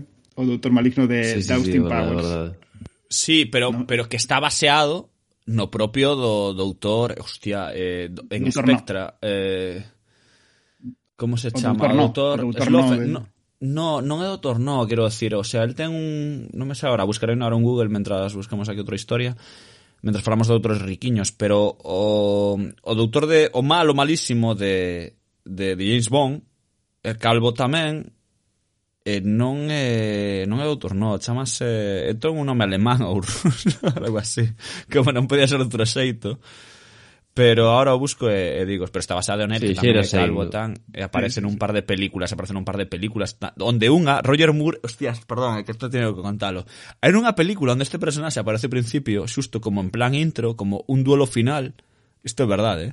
aparece como un duelo final, e Roger Moore acaba eh, mm, pilotando un helicóptero, e o colle por detrás, porque este señor está como nunha silla de rodas, nunha cadeira de rodas, e, e collo así, metelle como ferro de abaixo do, do helicóptero, non? Mete o collo, e vai no levando no aire e acaba botando por unha chimenea. Ao, ao malo malísimo, en plan. E dille, antes diso, toca a cabeza e dille, sí, sí, cocoliso, non sei que, e acaba botando por unha por unha chimenea. Isto pasa en Roger Moore, nas pelis de Roger Moore, porque Roger Moore é o mellor James Bond da, mellor, da historia, mellor. onde todo pode pasar, pois isto acaba pasando de que o malo malísimo James Bond collen un helicóptero en plan, pum, métete por aquí, fora e métete nunha chimenea, así no aire, porque podo.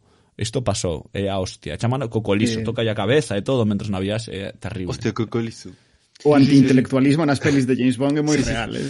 Bueno, todas as pelis de acción, eu creo, non? No, pero, joder, Roger Moore sempre, Roger, sempre me pregunto, mellor Roger, Roger Moore, mellor James Bond, Roger Moore. O sea, sen lugar a, pff, bueno, sen lugar a... Eu creo que, que todos os malos son doutores bueno. eh, Eu creo que James Bond non acabou a eso sabes? Non, non, no, no.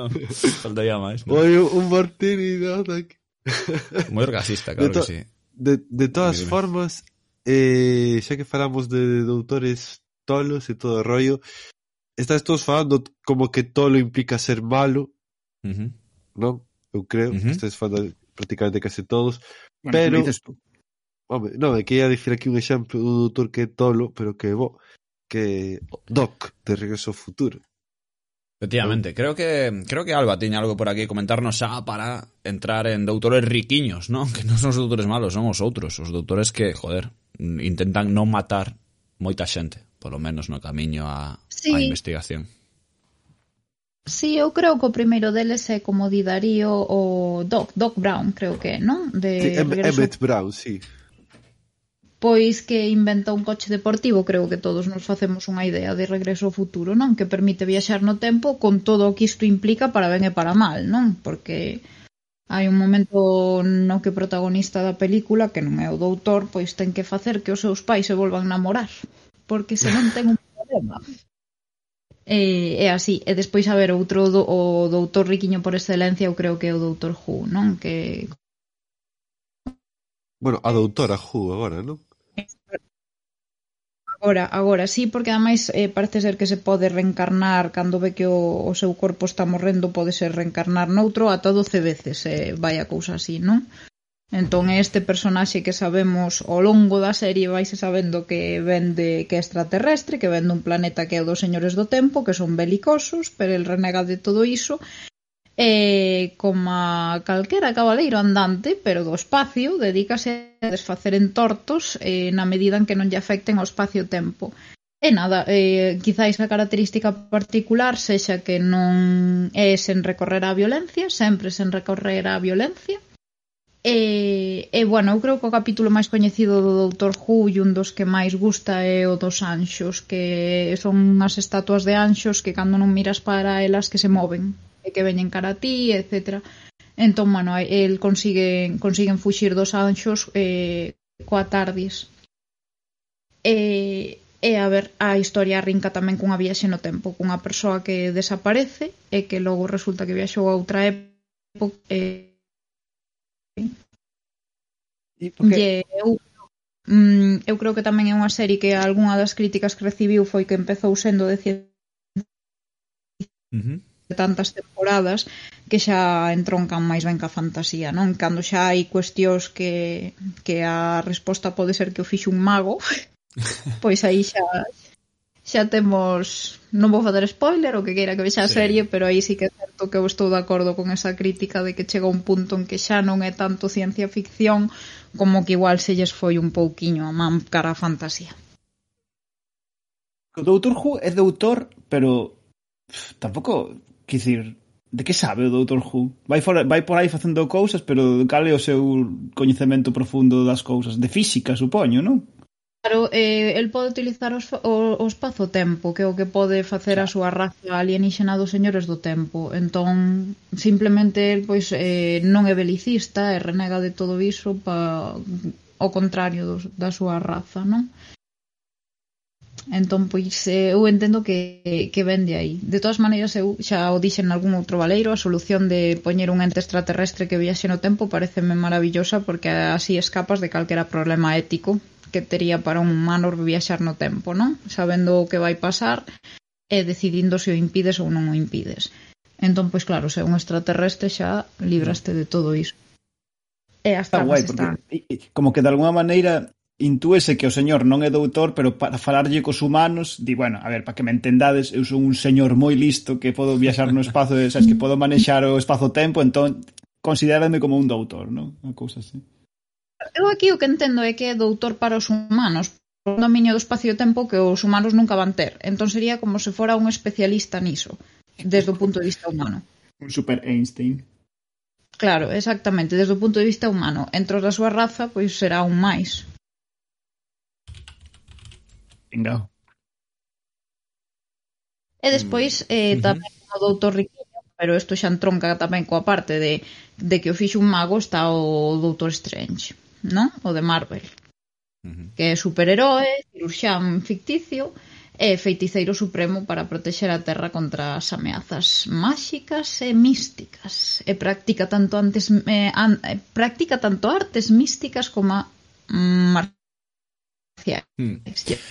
Eu aquí facer un... loitas de poder inter... Uh interdimensionais. Sí, Eu sí, aquí sí, facer un, un breve inciso eh, que que, que evidentemente son doutores, non? Pero creo que a veces tamén eh, compre, non? Diferenciar esas doutores que realmente son doutores, evidentemente Strange é eh, doutor, ninguén lleva, non llevamos quitar aquí título de medicina ou o que sexa, pero que non son importantes en sí para a trama, non? Do que, do que contan. Quero decir, Strange pode ser doutor como podía ser, o sea, Doctor Strange como podía ser o Profesor Strange, o que pasa que supoño que non vendería tanto eh, na marca ou no a nivel eh, eh ficcional ou como queramos entenderlo. Un profesor de historia que tiene un accidente de coche. claro, no, non sei moi ben que tengas más, ¿no? Que te necesitas más para operar, bla, bla, bla. Eh, podía ser un podía ser un, un o que traballar en un obradoiro de reloxos, non? Que realmente pues tamén estaría nese sentido. Eh, pero pásanos un pouco con Peter Parker ou con certos heróis, non? Que vendesnos un pouco como heróis, Iron Man creo que pode pasar un pouco lá, creo que logo veremos un pouco, pero pero son un pouco ese punto, non? De doutores sí, pero tampouco é tanto contextual, os entendemos que son xente moi inteligente, xente que moi tal, pero que tampouco eh, aquí non é o que os define ser doutor, non sei se me explico. Creo que nese sentido os vilanos son mellor moitas veces son máis definidos por ser doutores nesta ficción da que le vamos falando un rato que a xente riquiña por ser doutores, porque os exemplos que pusimos de doutores riquiños realmente a, a excepción de Doc, eh, quero decir, pero ao final mm. Doctor Strange é definido por ser un extraterrestre e o señor Doctor Strange, perdón, eh, dicen Doctor Who é definido por ser un extraterrestre e Doctor Strange por ser definido por ser un mago. Eh, no caso do Doctor um, Ock, no, Doc Brown, pois sí que é doutor, no, no sentido estrito, por suposto, e sempre será, e sempre será un dos meus favoritos personaxes da, do cinema. Pero como que custa un pouco máis eh, pensalos, non, atopalos, non? Como sí. que é moito máis malévolo o doutor malo que o doutor bo, que é como algo máis, bueno, eh, circunstancial, non sei se se me explico. Sí. Eu creo que aquí, o que, o sea, a cuestión é precisamente a do arco de personaxes, non? O sea, ou, ou mm. incluso unha cuestión de xéneros, porque case todos os heróis nestas estamos pasando un pouco en, eh, en, en no, no xénero do, dos superheróis, non? Por exemplo, estabas sí. pensando en Strange, estás pensando en Spider-Man, incluso en, en, en, en Iron Man, que no fondo serían como científicos ou enxeñeiros, pero o seu arco sempre é de policías, quer dicir, o, o, o que lles preocupa é loitar contra o crime, pero deter a outros a outros malos, mentras que os doutores malévolos, o seu arco é de doutor, de ibris, de levar a tecnoloxía máis al lado ético. Entón, en realidade, é que non son doutores, a pesar de que teñen eh, os coñecementos, os coñecementos deciden ser basicamente policías. De todos os modos, eu quería retomar o que dicía Carlos eh, do, sobre o Doutor Strange, sí. porque eu non estou tan de acordo realmente. eh, por varios motivos. Porque eu penso que a, o que fai referencia ao nome de Doutor Strange, hoxe en día perdémolo un pouco. E o que fai referencia é un pouco a, a figura do mago de feria, ao, as marcas de tónicos milagrosos, Pode ese ser. tipo de cousas, non? A, a idea de Doutor Strange ten unhas connotacións como circenses, eh, incluso, como dicilo, de, de fala barato, non? De persoa que que che vende pois, un carcepelo maravilloso. Dai a capa, o Isto... mellor, ou tal. Ou... Sí, vai un pouco por aí. Eu penso que é doutor, porque ele efectivamente é cirurxán, mas tamén está esta cousa de de, de que a maxia, cando apareceu Strange, non acaba de estar tan naturalizada no, no universo Marvel como está hoxe, non? Sí, sí. Entón, hai como unha especie uh -huh. de pequena broma sobre o, o papel que xoga o, o propio Strange nese universo e, e de feito unha personaxe con, bueno, seria, pero tamén con moitos tintes cómicos, non? Entón, uh -huh. penso que sí que é importante e ademais cando pensamos na idea do Doutor Strange, precisamente polo nombre que ten tamén, e pola dualidade, home de ciencia, home de maxia, case parece, ou dame a mi impresión de que o seu doutoramento foi en maxia, non en medicina, non sei se me explico, non? Como que sí, sí, o que sí. ten de doutor A é ver... por, por coñecer os arcanos. Uh -huh. Alba, Alba, fala, porfa. É que, claro, é que eu, por exemplo, non o relaciono co, co Mago Feirante, senón que o relaciono con, bueno, con estas, eh, co budismo, coa uh -huh. crenza nos chakras, o sea, é a cuestión de, vale, ti fuches ciruxán e médico do corpo, e agora va ser médico do espírito ou da parte espírito, mística, alma, tiramos chamar. Uh -huh, uh -huh. Entón, agora vas ter que arreglar esa parte, eh, a parte interdimensional, non? Cando conectamos con uh -huh. outras dimensións, bueno, como se queira explicar, non? Eu aí tampouco me vou meter que non coñezo moito, pero non o relaciono co, co feirante. Eu creo que están esas dúas dimensións, a física, deixaches de ser médico físico e agora vas ser médico espiritual, chamémoslle así. Uh Sí, un médico. Eu estou, eu estou de acordo, pero ademais deso, eu creo que o de ser Doctor Strange está feito para eh, transmitir moi rapidamente a unha das características do personaxe que é ser extremadamente fachendoso e flipado, é un señor tan flipado que mantén o título de doutor incluso no seu nome de superhéroe, sí. sabes? Sí. o sea, son Doctor Spiderman, sabes? No, o sea, porque o Peter Parker non é tan flipado, pero sí que son o Doctor Strange, sabes? Sí que me chamando Doctor. no, pero... na película, na película, nas películas últimas bromea un pouco con iso, non? É mesmo personaxe un pouco fachendoso, é mesmo creo que na última de Spiderman, que vina hai tempo, non me acordo, pero creo que lle facía ese rollo, non? De chámame polo meu nome, pero cando lle caía mal, chámame polo Duro Strange, non? Non sei se facía un pouco mm. así esa, esa brincadeira, non? Un pouco tal. Pero sí que entra, que non analizamos moito hoxe, nin imos caer, porque son estereotipos, non? Pero do, doutor un pouco elevado, non? Do, desa, desa mando mismo un pouco se monta sobre os doutores que se son un pouco creídos ou non son tal, ou etcétera, etcétera, non? Como calquera que ten, supoño, certo poder na sociedade ou calquera, que en fin, da igual. Um, Alba, compañera, non sei, tiñas, creo que tiñas algún exemplo máis, non? Eh, máis te, creo que neste imos estar todos moi contentos de de escuitalo. Home, pois haberá que falar do profesor Utonio ou doutor Utonio que é o científico responsable de crear as supernenas. Sabedes quen son as supernenas, non? Sí, sí, sí, sí. sí. Eh, Pois realmente o profesor Otonio é o protagonista masculino da franquicia e estívenme informando sobre a súa biografía, que é especialmente conflictiva. Imos coller as partes que nos interesan para o valeiro, porque se podería facer un valeiro só ca biografía do profesor Otonio. Eh, pois imparte clases de física cuántica e fusión micronuclear no Centro de Investigación de Saltadilla. E estaba tratando de crear a nena con tres ingredientes ar que son azucre, eh, flores e, eh, dependendo da versión, cores ou cousas lindas. En castelán era cosas bonitas. E, e claro, ten un accidente eh, por culpa de Mojo Yoyo, que eu isto, eu isto non o sabía, an, eh, porque antes de desenvolver inteligencia superior, porque Mojo Yoyo é un dos arqui inimigos das supernenas, non? eh, pois antes de desenvolver inteligencia superior e volverse malvado, pois fixo que o profesor tropeta, eh, tropezase e rompese a botella da sustancia X derramándoa sobre a fórmula de azúcar, flores, eh, cores ou cousas lindas.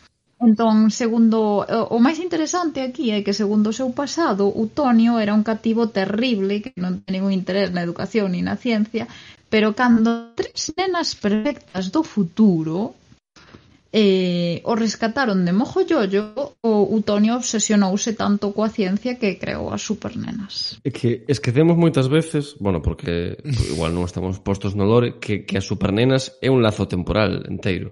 Sí. O sea, en xeral ten un, ten un lore que flipas, pero eu simplemente quería dicir que penso que supernenas está ben valorada, pero ainda así está moito menos valorada do que menos debería. Valorada, sí. Totalmente certo, totalmente dices, certo. Totalmente certo eh, contigo, Pablo. Non é a única, hai outras pois tamén hai máis, hai máis. No, no laboratorio de Dexter que tamén habería. Eu creo que en xeral, perdón, perdón, Pablo, rápido, en Nickelodeon en xeral con X series que ten esta estética que creo a través de Nickelodeon e tal, eh, pero continúa.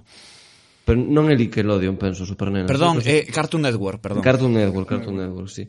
Sí, sí, pero en concreto Supernenas é un nivel de ideas, de... Mm de, de lore que engancha uns superviláns con outros, de parodiar mm. todo un xénero que naquela altura non estaba tan presente como está hoxe dos superheróis, é un, un desfase. Eu non sei, Hostia. veríamos unha e outra vez en bucle. É que teñen a un mono malvado que se chama Mojoyoyo.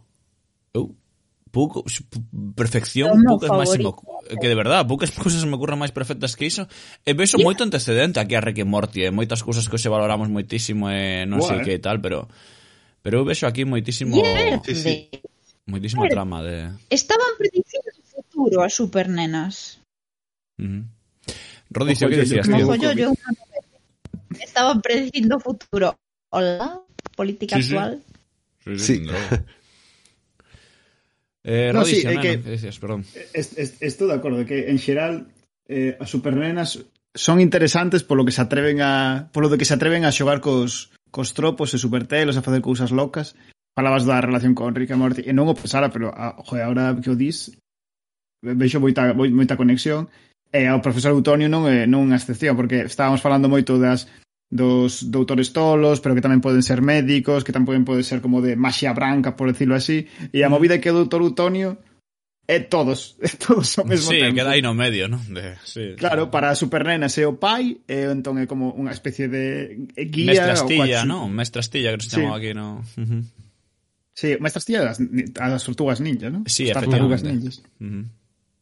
E, pero para Mojo Jojo é o pai maligno, o, en plan unha especie de Víctor Frankenstein que o creou, Uh -huh. eh, eh, de vez en cando ves como ramalazos de, do doutor que se está portando como moi ben coas supernenas pero como que ten unha idea de ciencia tola e pensan como podería desenvolvela e acabar como un sabes? está como todo o mm. tempo indo e volvendo das, das dúas das varias versións de científico tolo ou científico benévolo vou mandar unha hot take ahora que me dis isto de ese personaxe que traballa como doutor entre o bo e o malo segundo como queiras ver E sei que non íamos falar máis desta serie, sei que non íamos falar máis desta película nestes libros, pero non hai algo de Dumbledore, de científico tolo, no sentido estricto, dese personaxe que se comporta como algo moi ambiguo entre o ben e o mal, de científico tolo, de que todo o sabe e vai dando como retazos do que non tal e tal, pero pode haber aquí un pouquiño de ser un pai, pero a vez ser un, un puto colgado para algúns ou para outros. Isto lo dixo aquí e xa me vou, eh? non, ah. non quero tampouco crear un debate, pero, sí, sí, ve, pero percibo vexo, ese vexo. punto, de, percibo ese punto moi similar ao pai das supernenas. Non? Estou lembrando, non, non ten nada que ver, pero mentre estaba falando, puxome a buscar en Google Imaxes eh, viláns das supernenas. E acabo de lembrar que, que un, uns viláns son tres amebas con sombreiros. E, parece a puta hostia. E, de verdade, é unha serie infinita. Hai que, hai que volver a ver e facer un baleiro só de... Totalmente. É rarísima, tío. Rarísima. Rarísima. Unha serie eh, moi rara. Eu Falando vou de... facer un pouco... Sí. Perdón, perdón. Fala ti, eh, Rice Charlie. Perdón. No, xe un apunte, porque ahora que falamos de series e de voltas e de como daba algo, non sei que tal, eh, vai volver Futurama. Non sei se sabedes, Sí, é pero verdade, nesta dimensión é na que estamos xa foi anunciado aí atrás Medo. que vai volver eh, Futurama. E esa é a palabra, rodi eh, digo, tamén chamo rodicio a ti, bueno, chamamos rodicio entre todos, ¿no? Todos Darío. somos rodizos. Todos somos rodicio. Darío, eu poñendo voces todo o eh, teño medo. Entón, eh, nada, simplemente a ver, eso. A ver, en Futurama xa, facían, xa predecían o futuro dicindo que os Simpsons efectivamente, as 3000 as 3000 últimas temporadas eran moito peores que as 3000 anteriores ou Efectivamente, así. efectivamente. De todas formas, vou facer aquí de básico, eh? porque joder, estamos aquí falando de series e tal, pero é que nos cómics eh, tanto en España como en Bélxica temos dous exemplos de científicos tolos xa nos anos 20 ou, ou antes incluso, como pode ser o profesor, bueno, o profesor Tornasol de Tintín, que joder, é un puto científico loco 100%, non? Sí. Creo que nisso estamos todos de acordo, con invencións así un pouco tolas tamén, O sea, este ese tiburón guión submarino super tolo. e logo o profesor Bacterio, joder, que, que era de un científico tolo, pero que sempre se llama el todo, o pobre, ou case todo. Bacterio sí que non gañou o doutorado nin de coña. Nin de coña. bueno, igual a universidade aí, non universidade Oye, mala. os insectos así. sí que os facían máis grandes, eh? o sea, os inventos sí. funcionaban, pero non funcionaban da maneira na que claro, gustaría. O... Funcionaban, funcionaban, eso, eso sí que é certo. Alfonso X. Joder, era como, o sea, non sei se foi, eh, creo que foi o, eh, sí, o profesor Bacterio dixo a Mortadelo, porque Mortadelo tiña un pelazo tal, e dixolle nun, nun capítulo que íalle botar uns produtos co cal nunca se ia ter que preocupar polo seu cabelo. E joder, tiña razón, ao final perde todo o cabelo e nunca se volve a preocupar polo... Algo, algo así era. Eu conste falamos desta distinción, non? De, de heróis, de, de viláns, non? Eh, e, casi parece unha brincadeira, non? Este grupo de, de autores malignos dun lado, papéis de vilán doutros, eh, non sei, non sei ata onde ata onde diferenciar entre uns e outros. Non sei se hai algo que podamos sacar en claro, non? De, de todo isto. Non sei, Rodicio, se ten algunha idea que sempre é un home inspirado nestas, nestas constantes pero Eso que, que xa o falamos antes cando falamos do de, do de, do de Spiderman que son todo constructos e non hai hmm. maldade química e, joe, que son señores que están preocupados por outros asuntos pero que pues, a nosa organización social non os pode absorber non? pero por eso casi sempre son os doutores interesantes son os, os malos e non os vos hmm. Pode ser, pode, pode ser. ser. Tamén hai hai un nicho de doutores ambivalentes, diría eu, non? Sí. Eh, figuras pues precisamente que está a tensión de, de ver de que lado vai caer finalmente o seu proxecto científico, a súa bolsa de doutoramento da xunta postdoutoral.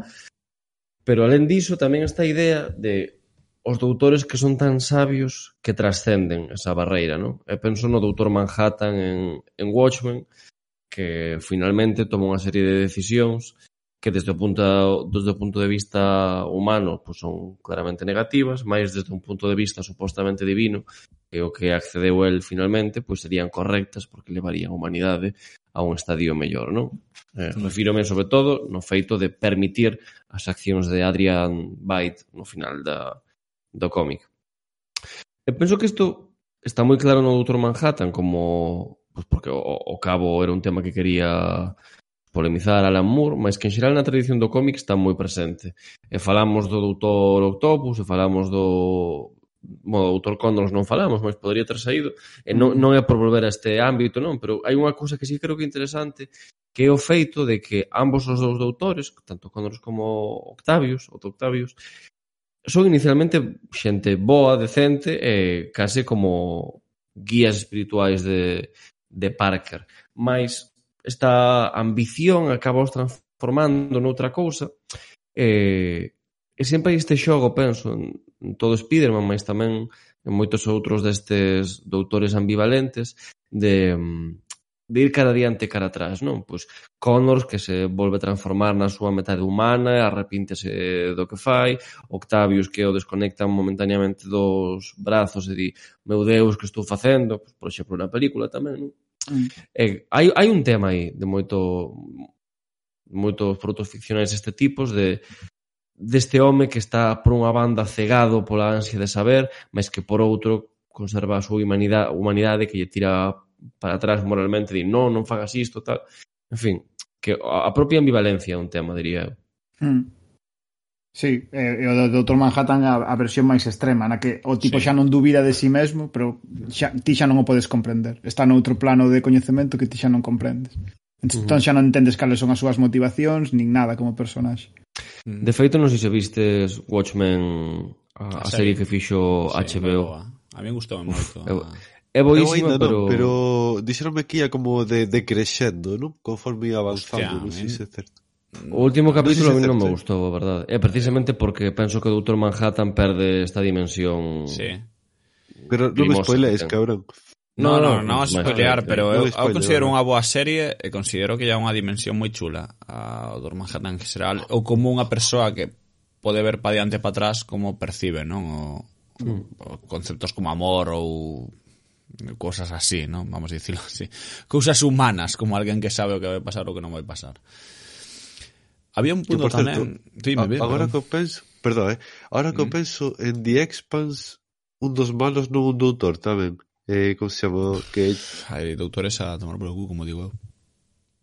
Eh, digo, chavales. Que... Os deberes feitos antes de vir, eh? eh tens que traer aquí, eh? no, acabo, acabo de lembrarme agora, Oye, Body of Horror tamén que temos aquí apuntado por inercia pura e porque hai que falar un pouquiño deses doutores que realmente son moi malos e, e, crean Os doutores mesmo... que se pasan. Os, os que se pasan de malos, non? Como digo eu, xa, é un rollo visual, un rollo estético, un rollo que roza Esos outras macabros, cousas. non digamos. Macabros. Macabros. como a pouco e moi jodidos, non? Como diría outro. Eh, Que non de, deberían ir a terapia. No, Deberían, deberían est están en terapia. Sí, um, Rodicio, comenta ti algo. Que do Body Horror. O do Body Horror penso que era ineludible hoxe porque mestura a parte do médico coa parte do doutor o que se lle vai a olla de estar demasiado tempo pensando no seu. Eh, moitas veces as películas de body horror exploran como o asqueroso que pode ser o corpo humano, ou as cousas asquerosas que se poden facer co corpo humano ou cos corpos dos seres vivos. Eh, sempre to, tomando esos experimentos como a ibris do doutor que se lleva a olla da que falábamos, da que levamos falando durante todo o programa. E se me ocurrían algúns exemplos eh, máis ou menos desagradables un que, bueno, no que seguro que estáis todos pensando é eh, do que hai que falar é eh, o doutor Joseph Heiter que tivo a maravillosa idea eh, de facer o cempés humano. Non sei se viches ou coñecedes a película. A peor eu teseo doutra vez. O concepto, o concepto coñezo. A película, non. Eu virá a primeira en tempos. Eh, arrepíntome, a verdade, non. Eu subín non a primeira. Eu, Era mala, ou? É mala a película. Eu vin todas, tío. Sí. Viches todas. Viga unha, viga dúas e viga tres. Profilia, eh. Hai tres. Viga tres que é unha, hai tres, hai un tres, cárcere, non? Ou así, creo que... Non sabía lembro, que había tres. Que lembro, Pode ser que na segunda e na terceira, en vez de facer un cempés, comece a facer outro tipo de animais, como, por exemplo, unha iguana ou algo así. unha garza. No, a eu, carta humana. Experimentando con formas aí, tipo. Papiroflexia, papiroflexia de cempés humanos, tío. O, eh, non sei moi ben de que iba, pero bueno, por se alguén non o sabe, o cempés humano eh, na primeira película como que se secuestra, non? A tres rapazas se eh, crea como un, non, había un rapaz creo tamén, creo que era o prim... a dúas. A dúas, e o primeiro eh, son dúas, e o primeiro é un tipo, eh, non, algo así. Eh, Bueno, crea entre tres persoas un cempes humano, non? Co cal une ou cose a boca da rapaza xa o cu do home e o a boca de outra rapaza ao cu desta rapaza e crea como un cempes. Eu creo que isto, creo que todo o mundo, case todo o mundo canda un pouco no, na miseria underground así de cine coñece isto porque isto foi bastante popular, eu creo, sen peso humano, non? Eu creo que bastante. Non sei se underground é unha palabra demasiado nobre para describir ese nicho, pero bueno. Non, pero eu creo que isto como, a ver, eu e digo isto desde o persoal, eu non... acordo que na miña experiencia persoal, perdón, algo un momentiño, foi como bastante coñecido o tema do cempés humano, como que era unha peli mítica, rollo así deste de serie B, da hostia, jiji, jaja, pero que son, por exemplo, moito menos moito máis descoñecidas, perdón, a terceira ou a segunda, pero como que a primeira é moi vox populi, rollo que sí, que todo o mundo a viu, que hai un rollo aí con el, que é unha mierda, pero que todo o mundo coñece a, a mierda esta. Entón non mm. sei, a terceira sí que é pura que eu vina non hai tanto, eh, a terceira que a, suben que existía Hostia, non hai tanto, e que suben que, que existía e dixen, joder, pois pues, vou ver a ver de que carallo vai, e vai un rollo na car non cárcere xa na cadea que fan ali un experimento delicioso como podes eh, pensar e tal, pero muy, muy entra dentro de estas películas, para mí entra una corrente hostel o una corrente así gore gratuito, ¿no? De esta época sí. mismo europeísta, no sé si decir, no, no europeísta, no una palabra, pero no, rollo de que en Europa... No, no, no, no, no creo que pensé en una, palabra europeísta en ese sentido.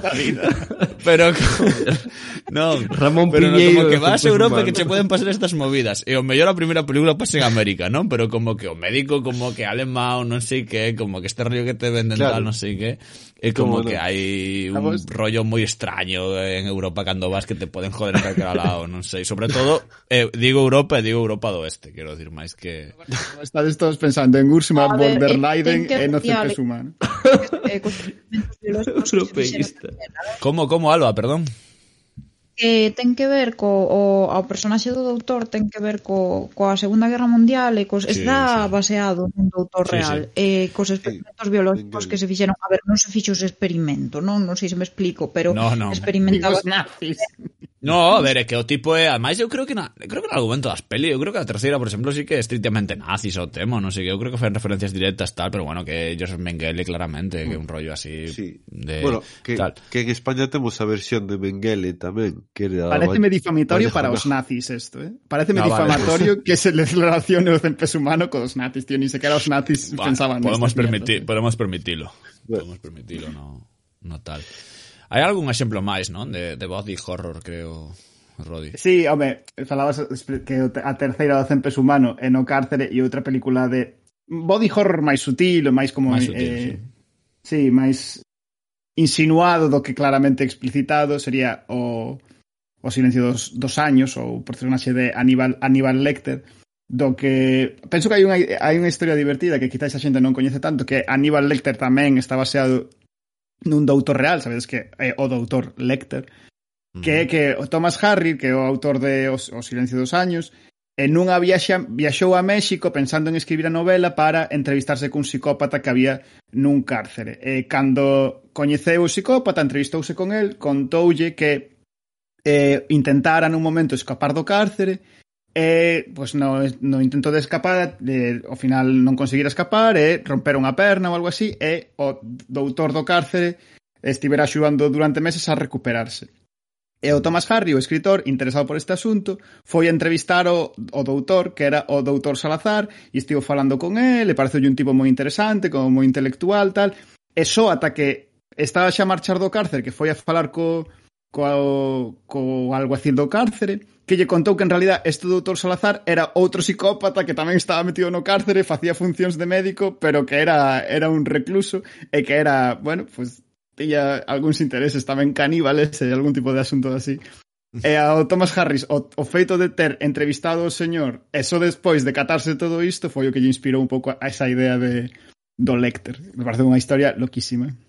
Claro que sí, eh? non a coñecía esta, eh? a inspiración sí, de... sí de Thomas Harris. Si me acordo, pasando no, no body horror máis concreto, hai unha escena en Aníbal na dúas, no? na que uh -huh. tira un tío por un balcón, non? que lle di antes de tiralo, non? lle di tripas fora ou tripas dentro. El non, non pode falar, no? entonces le dice eu decidirei por vostede, no? Eh, tiralle reventa ou tira para baixo e caen as tripas, no? E ademais estaba como un rollo histórico aí que tenía exactamente moi ben medido, no? Aníbal.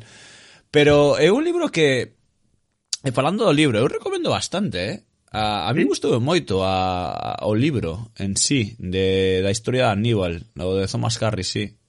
Eh, non digo que sexa aquí unha lectura imperdible na, na historia, ni moito menos, pero se si che gustaron as películas ou a xente que aquí este, pois pues, ten o seu interese, sobre todo porque cambia como evidentemente cambian todas as cousas, sí que cambia un pouquiño. Sobre todo a percepción de Clarís e eh, do namoramento que eles establecen en sí, que moi que eu creo que nas películas omitiron un pouco por non poñela ela moi como que hai que ter vos e malos, non? Non sei se me explico nas pelis ou como mm. máis claro en Hollywood, pero na nos libros sí que hai hai un proceso moito máis complexo ou bueno, ou non sei se complexo, pero sí moito máis eh, cara a un namoramento entre ambas partes, uh -huh. non? Que na película é claro que Aníbal Lecter está enamorado de Clarice, pero tamén na no libro isto pode establecerse de entre ambas as dúas, non? Uh Bueno, un poquinho sí. así de, de comedia. Outro exemplo de, de body horrors e de autores que se lles vai que se lles vai un pouco das mans era, non me podía resistir a, a traela, era é a princesa chicle de Hora de Aventuras, que é un exemplo tamén moi divertido de body horror porque só descobres que todos os personaxes dos que fuches, que fuches vendo durante varias tempadas son en realidade experimentos eh, de literalmente ir xuntando partes de plastilina feitos por un por un experto científico cando chegas como a cuarta tempada, de repente miras para atrás e todo ten unhas notas perturbadoras gordísimas, é como un terror retroactivo que se executa nos teus recordos cando vas cara ás terceiras, cuartas partes xa da, da serie. A Princesa Chicle é un personaxe increíble. Mm. Neste sentido. É verdade. Eu non sei, por agregar así algún exemplo... Dije. Perdón, perdón. Dicir, o, o rei o rei Xeo non era tamén un doutor? Pois, se, bueno, non sei se doutor, era era como físico, bueno, non sei moi ben, non sei moi ben cal era a súa área de especialidade, porque eh, empezaba todo porque estaba interesado en determinados artefactos vikingos. Igual era historiador, en realidad igual oye, era historiador. Oye, podría sí, ser doutor en historia. Verdade, eh, Pablo. Non, non. Non, ia traer un exemplo que iso, non, non sei se cadraba moi ben aquí, pero penso que, que igual sí que pode meterse un pouco en calzador. É un doutor moi pouco coñecido, pero sen dúbida o meu doutor favorito de toda a ficción, Chámase W. D. Gaster. É un doutor pouco coñecido porque realmente nin protagoniza ningunha obra, nin, nin aparece realmente en, ningún, en ningunha ficción. Ven dun xogo moi coñecido de que xa falamos aquí, que se chama Undertale, popularizado, penso, non sei se 2014 ou así, que tivo segunda parte, que está agora mesmo pois, en andamento, vais publicando como capítulos separados. E a cuestión é que se ti xogas a calquera deses xogos, non falan en ningún momento de, desta persoa, do doutor W.D. Caster. Mas a base de trastrear no, nos códigos do, do propio xogo, mm, detectaron que se modificaban uns valores comezaban a aparecer cousas mm, moi extrañas, moi cri creepypasta no propio xogo, non?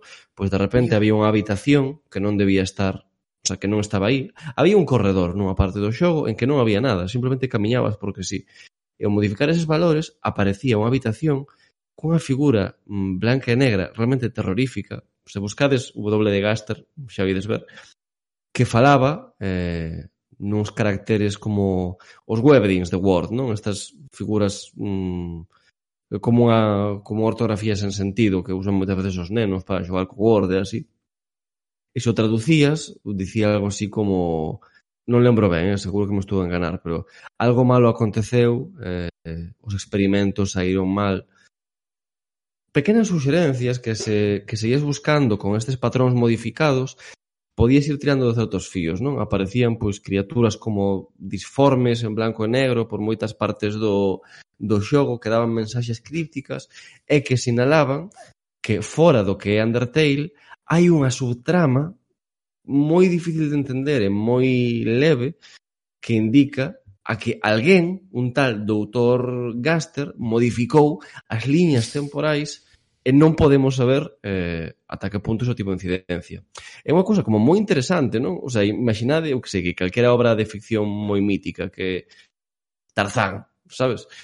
Que Tarzán teña certa maneira de lela, certas letras que se unes, na realidade non trata dun home perdido na selva, senón mm, pois dun doutor que modificou o tempo e fixo cursos terribles, non?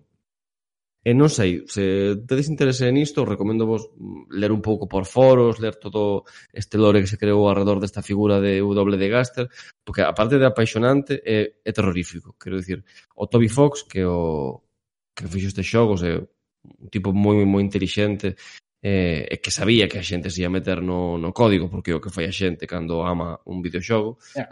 pois xogou con estas posibilidades e fixo pois, un experimento non sei, lúdico, ficcional, super potente. Ojo, que locura, chaval. Que locura, ¿no? que a verdade non sabía esto... nada disto de, de do doutor Buah, que pónseme a pel de, de galiño Pero... cando vexo este tipo. Ah, Anotadísimo, ¿no? Como dirían por eh, aí. E non se sabe quen é, eh? o sea, non hai trama, non... Quen é esta persoa? Non... É só un, un anaco de código que está aí e eh, que suxire que podería haber algo máis que guapo. É que hai algo parecido con The Binding of Isaac, que fixeron como especie de pistas no, no código sí. que despois levaba a peña a facer como gincanas na vida real. non sei, cousas uh. así destas delirantes de xente que se mete nos sí, videoxogos sí. moi a fondo. Moi a fondo, sí. Moi locas. Hai, eh, xa para ir no, enlazando a reta final de, do programa, por poñer a parte positiva, non? Tamén da, da, da, das volvemos ás doutoras riquiñas, neste caso doutoras porque quería rememorar ou teño na miña cabeza dúas doutoras que que me gustaron a nivel cinematográfico que son a doutora Eleanor Arroway ou Ellie Arroway e a doutora Louise Banks, non? Eh, doutoras que fora da medicina Isto tamén é certo que non son doutoras de medicina, mm. senón que unha doutora... Filólogos, filólogos. Nada, filólogos, filólogos. unha doutora, supoño que... Ent eu entendo que a Luis Banks é filóloga realmente, porque entendo que pa onde está nesa posición a que fala ten que ser doutora xa. E outro doutora, non sei, era físico-matemática. Bueno, eran ambas as dúas establecen un vehículo de comunicación con seres de outros mundos, non? Falo da primeira era no Arroway en Contact, e a segunda eh, na chegada, non, de Rival, que son dúas películas con certa interconexión, non, na linguaxe mm. eh, fílmica, non, son das películas que cando saiu da Rival falouse moito de Contact, non, na idea de dos, dos alienígenas do difícil que sería falar cos alienígenas, do difícil que sería non é tanto esa destrucción da Casa Blanca, senón no punto outro de como establecer contacto cunha civilización que está moi por riba de nós, non? Ou, ou entender a realidade de outra maneira, ou etcétera, etcétera.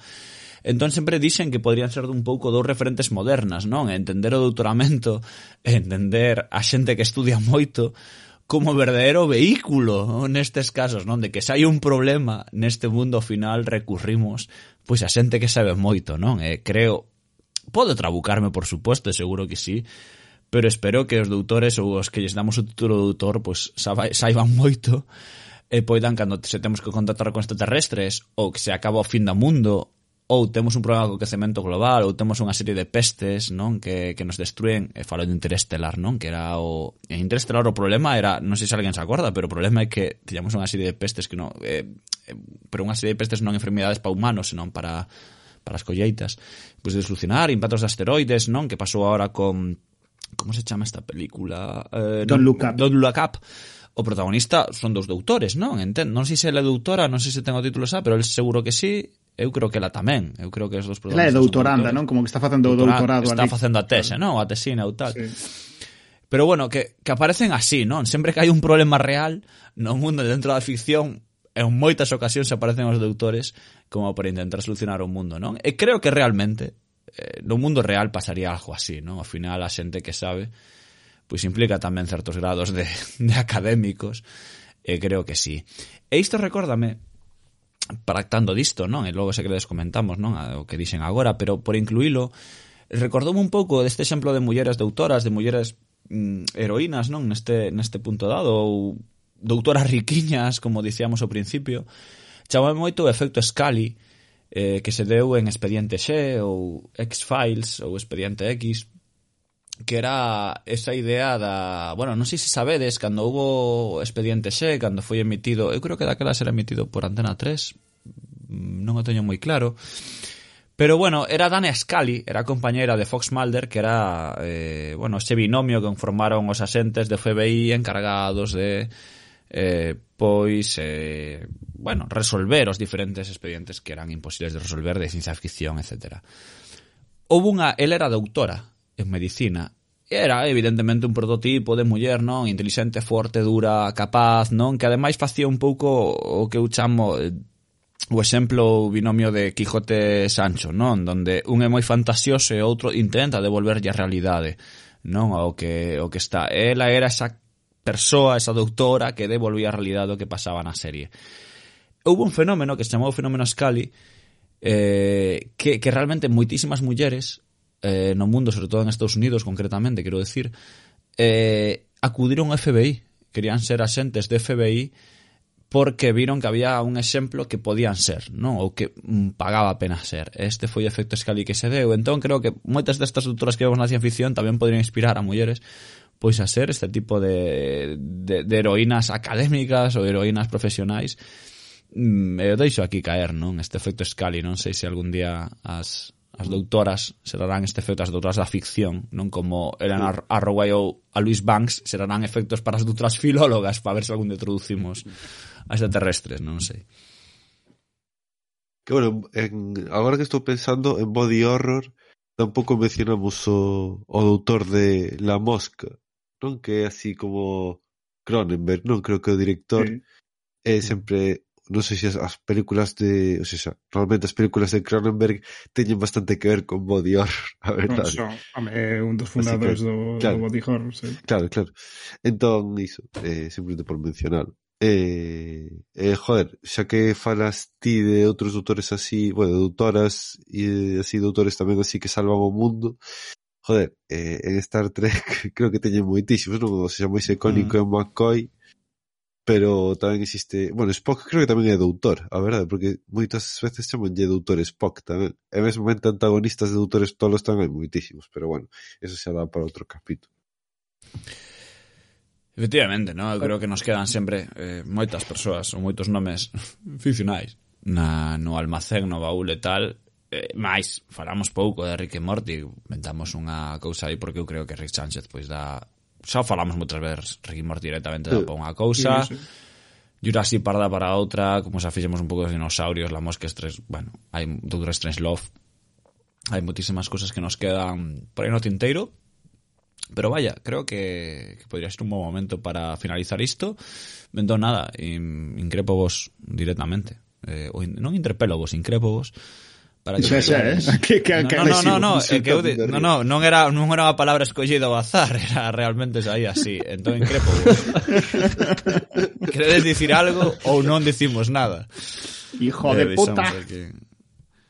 Eh, fuck you. Nada, dámonos por increpados, claros. Pois, pues, dados por increpados. E nos continuamos para bingo aquí neste mundo. A buriño a todo o mundo que nos escoita, pensade en moitos doutores e doutoras, e, e non sei, vémonos dentro de 15 días, que despois do Tigre de Futuro facemos propaganda aquí directa, é boa Uf. cousa. Ah. Así que veña, eh. a buriño. Ah. E? Ah. Durante uns minutos Corrinche detrás Urano, Saturno, Xúpiter Non sei onde estás.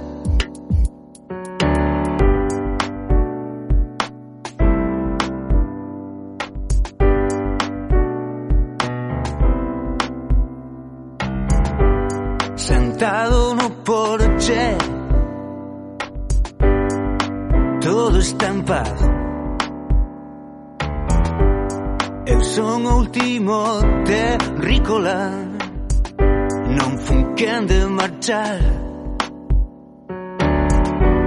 No meu telescopio Made in Taiwan.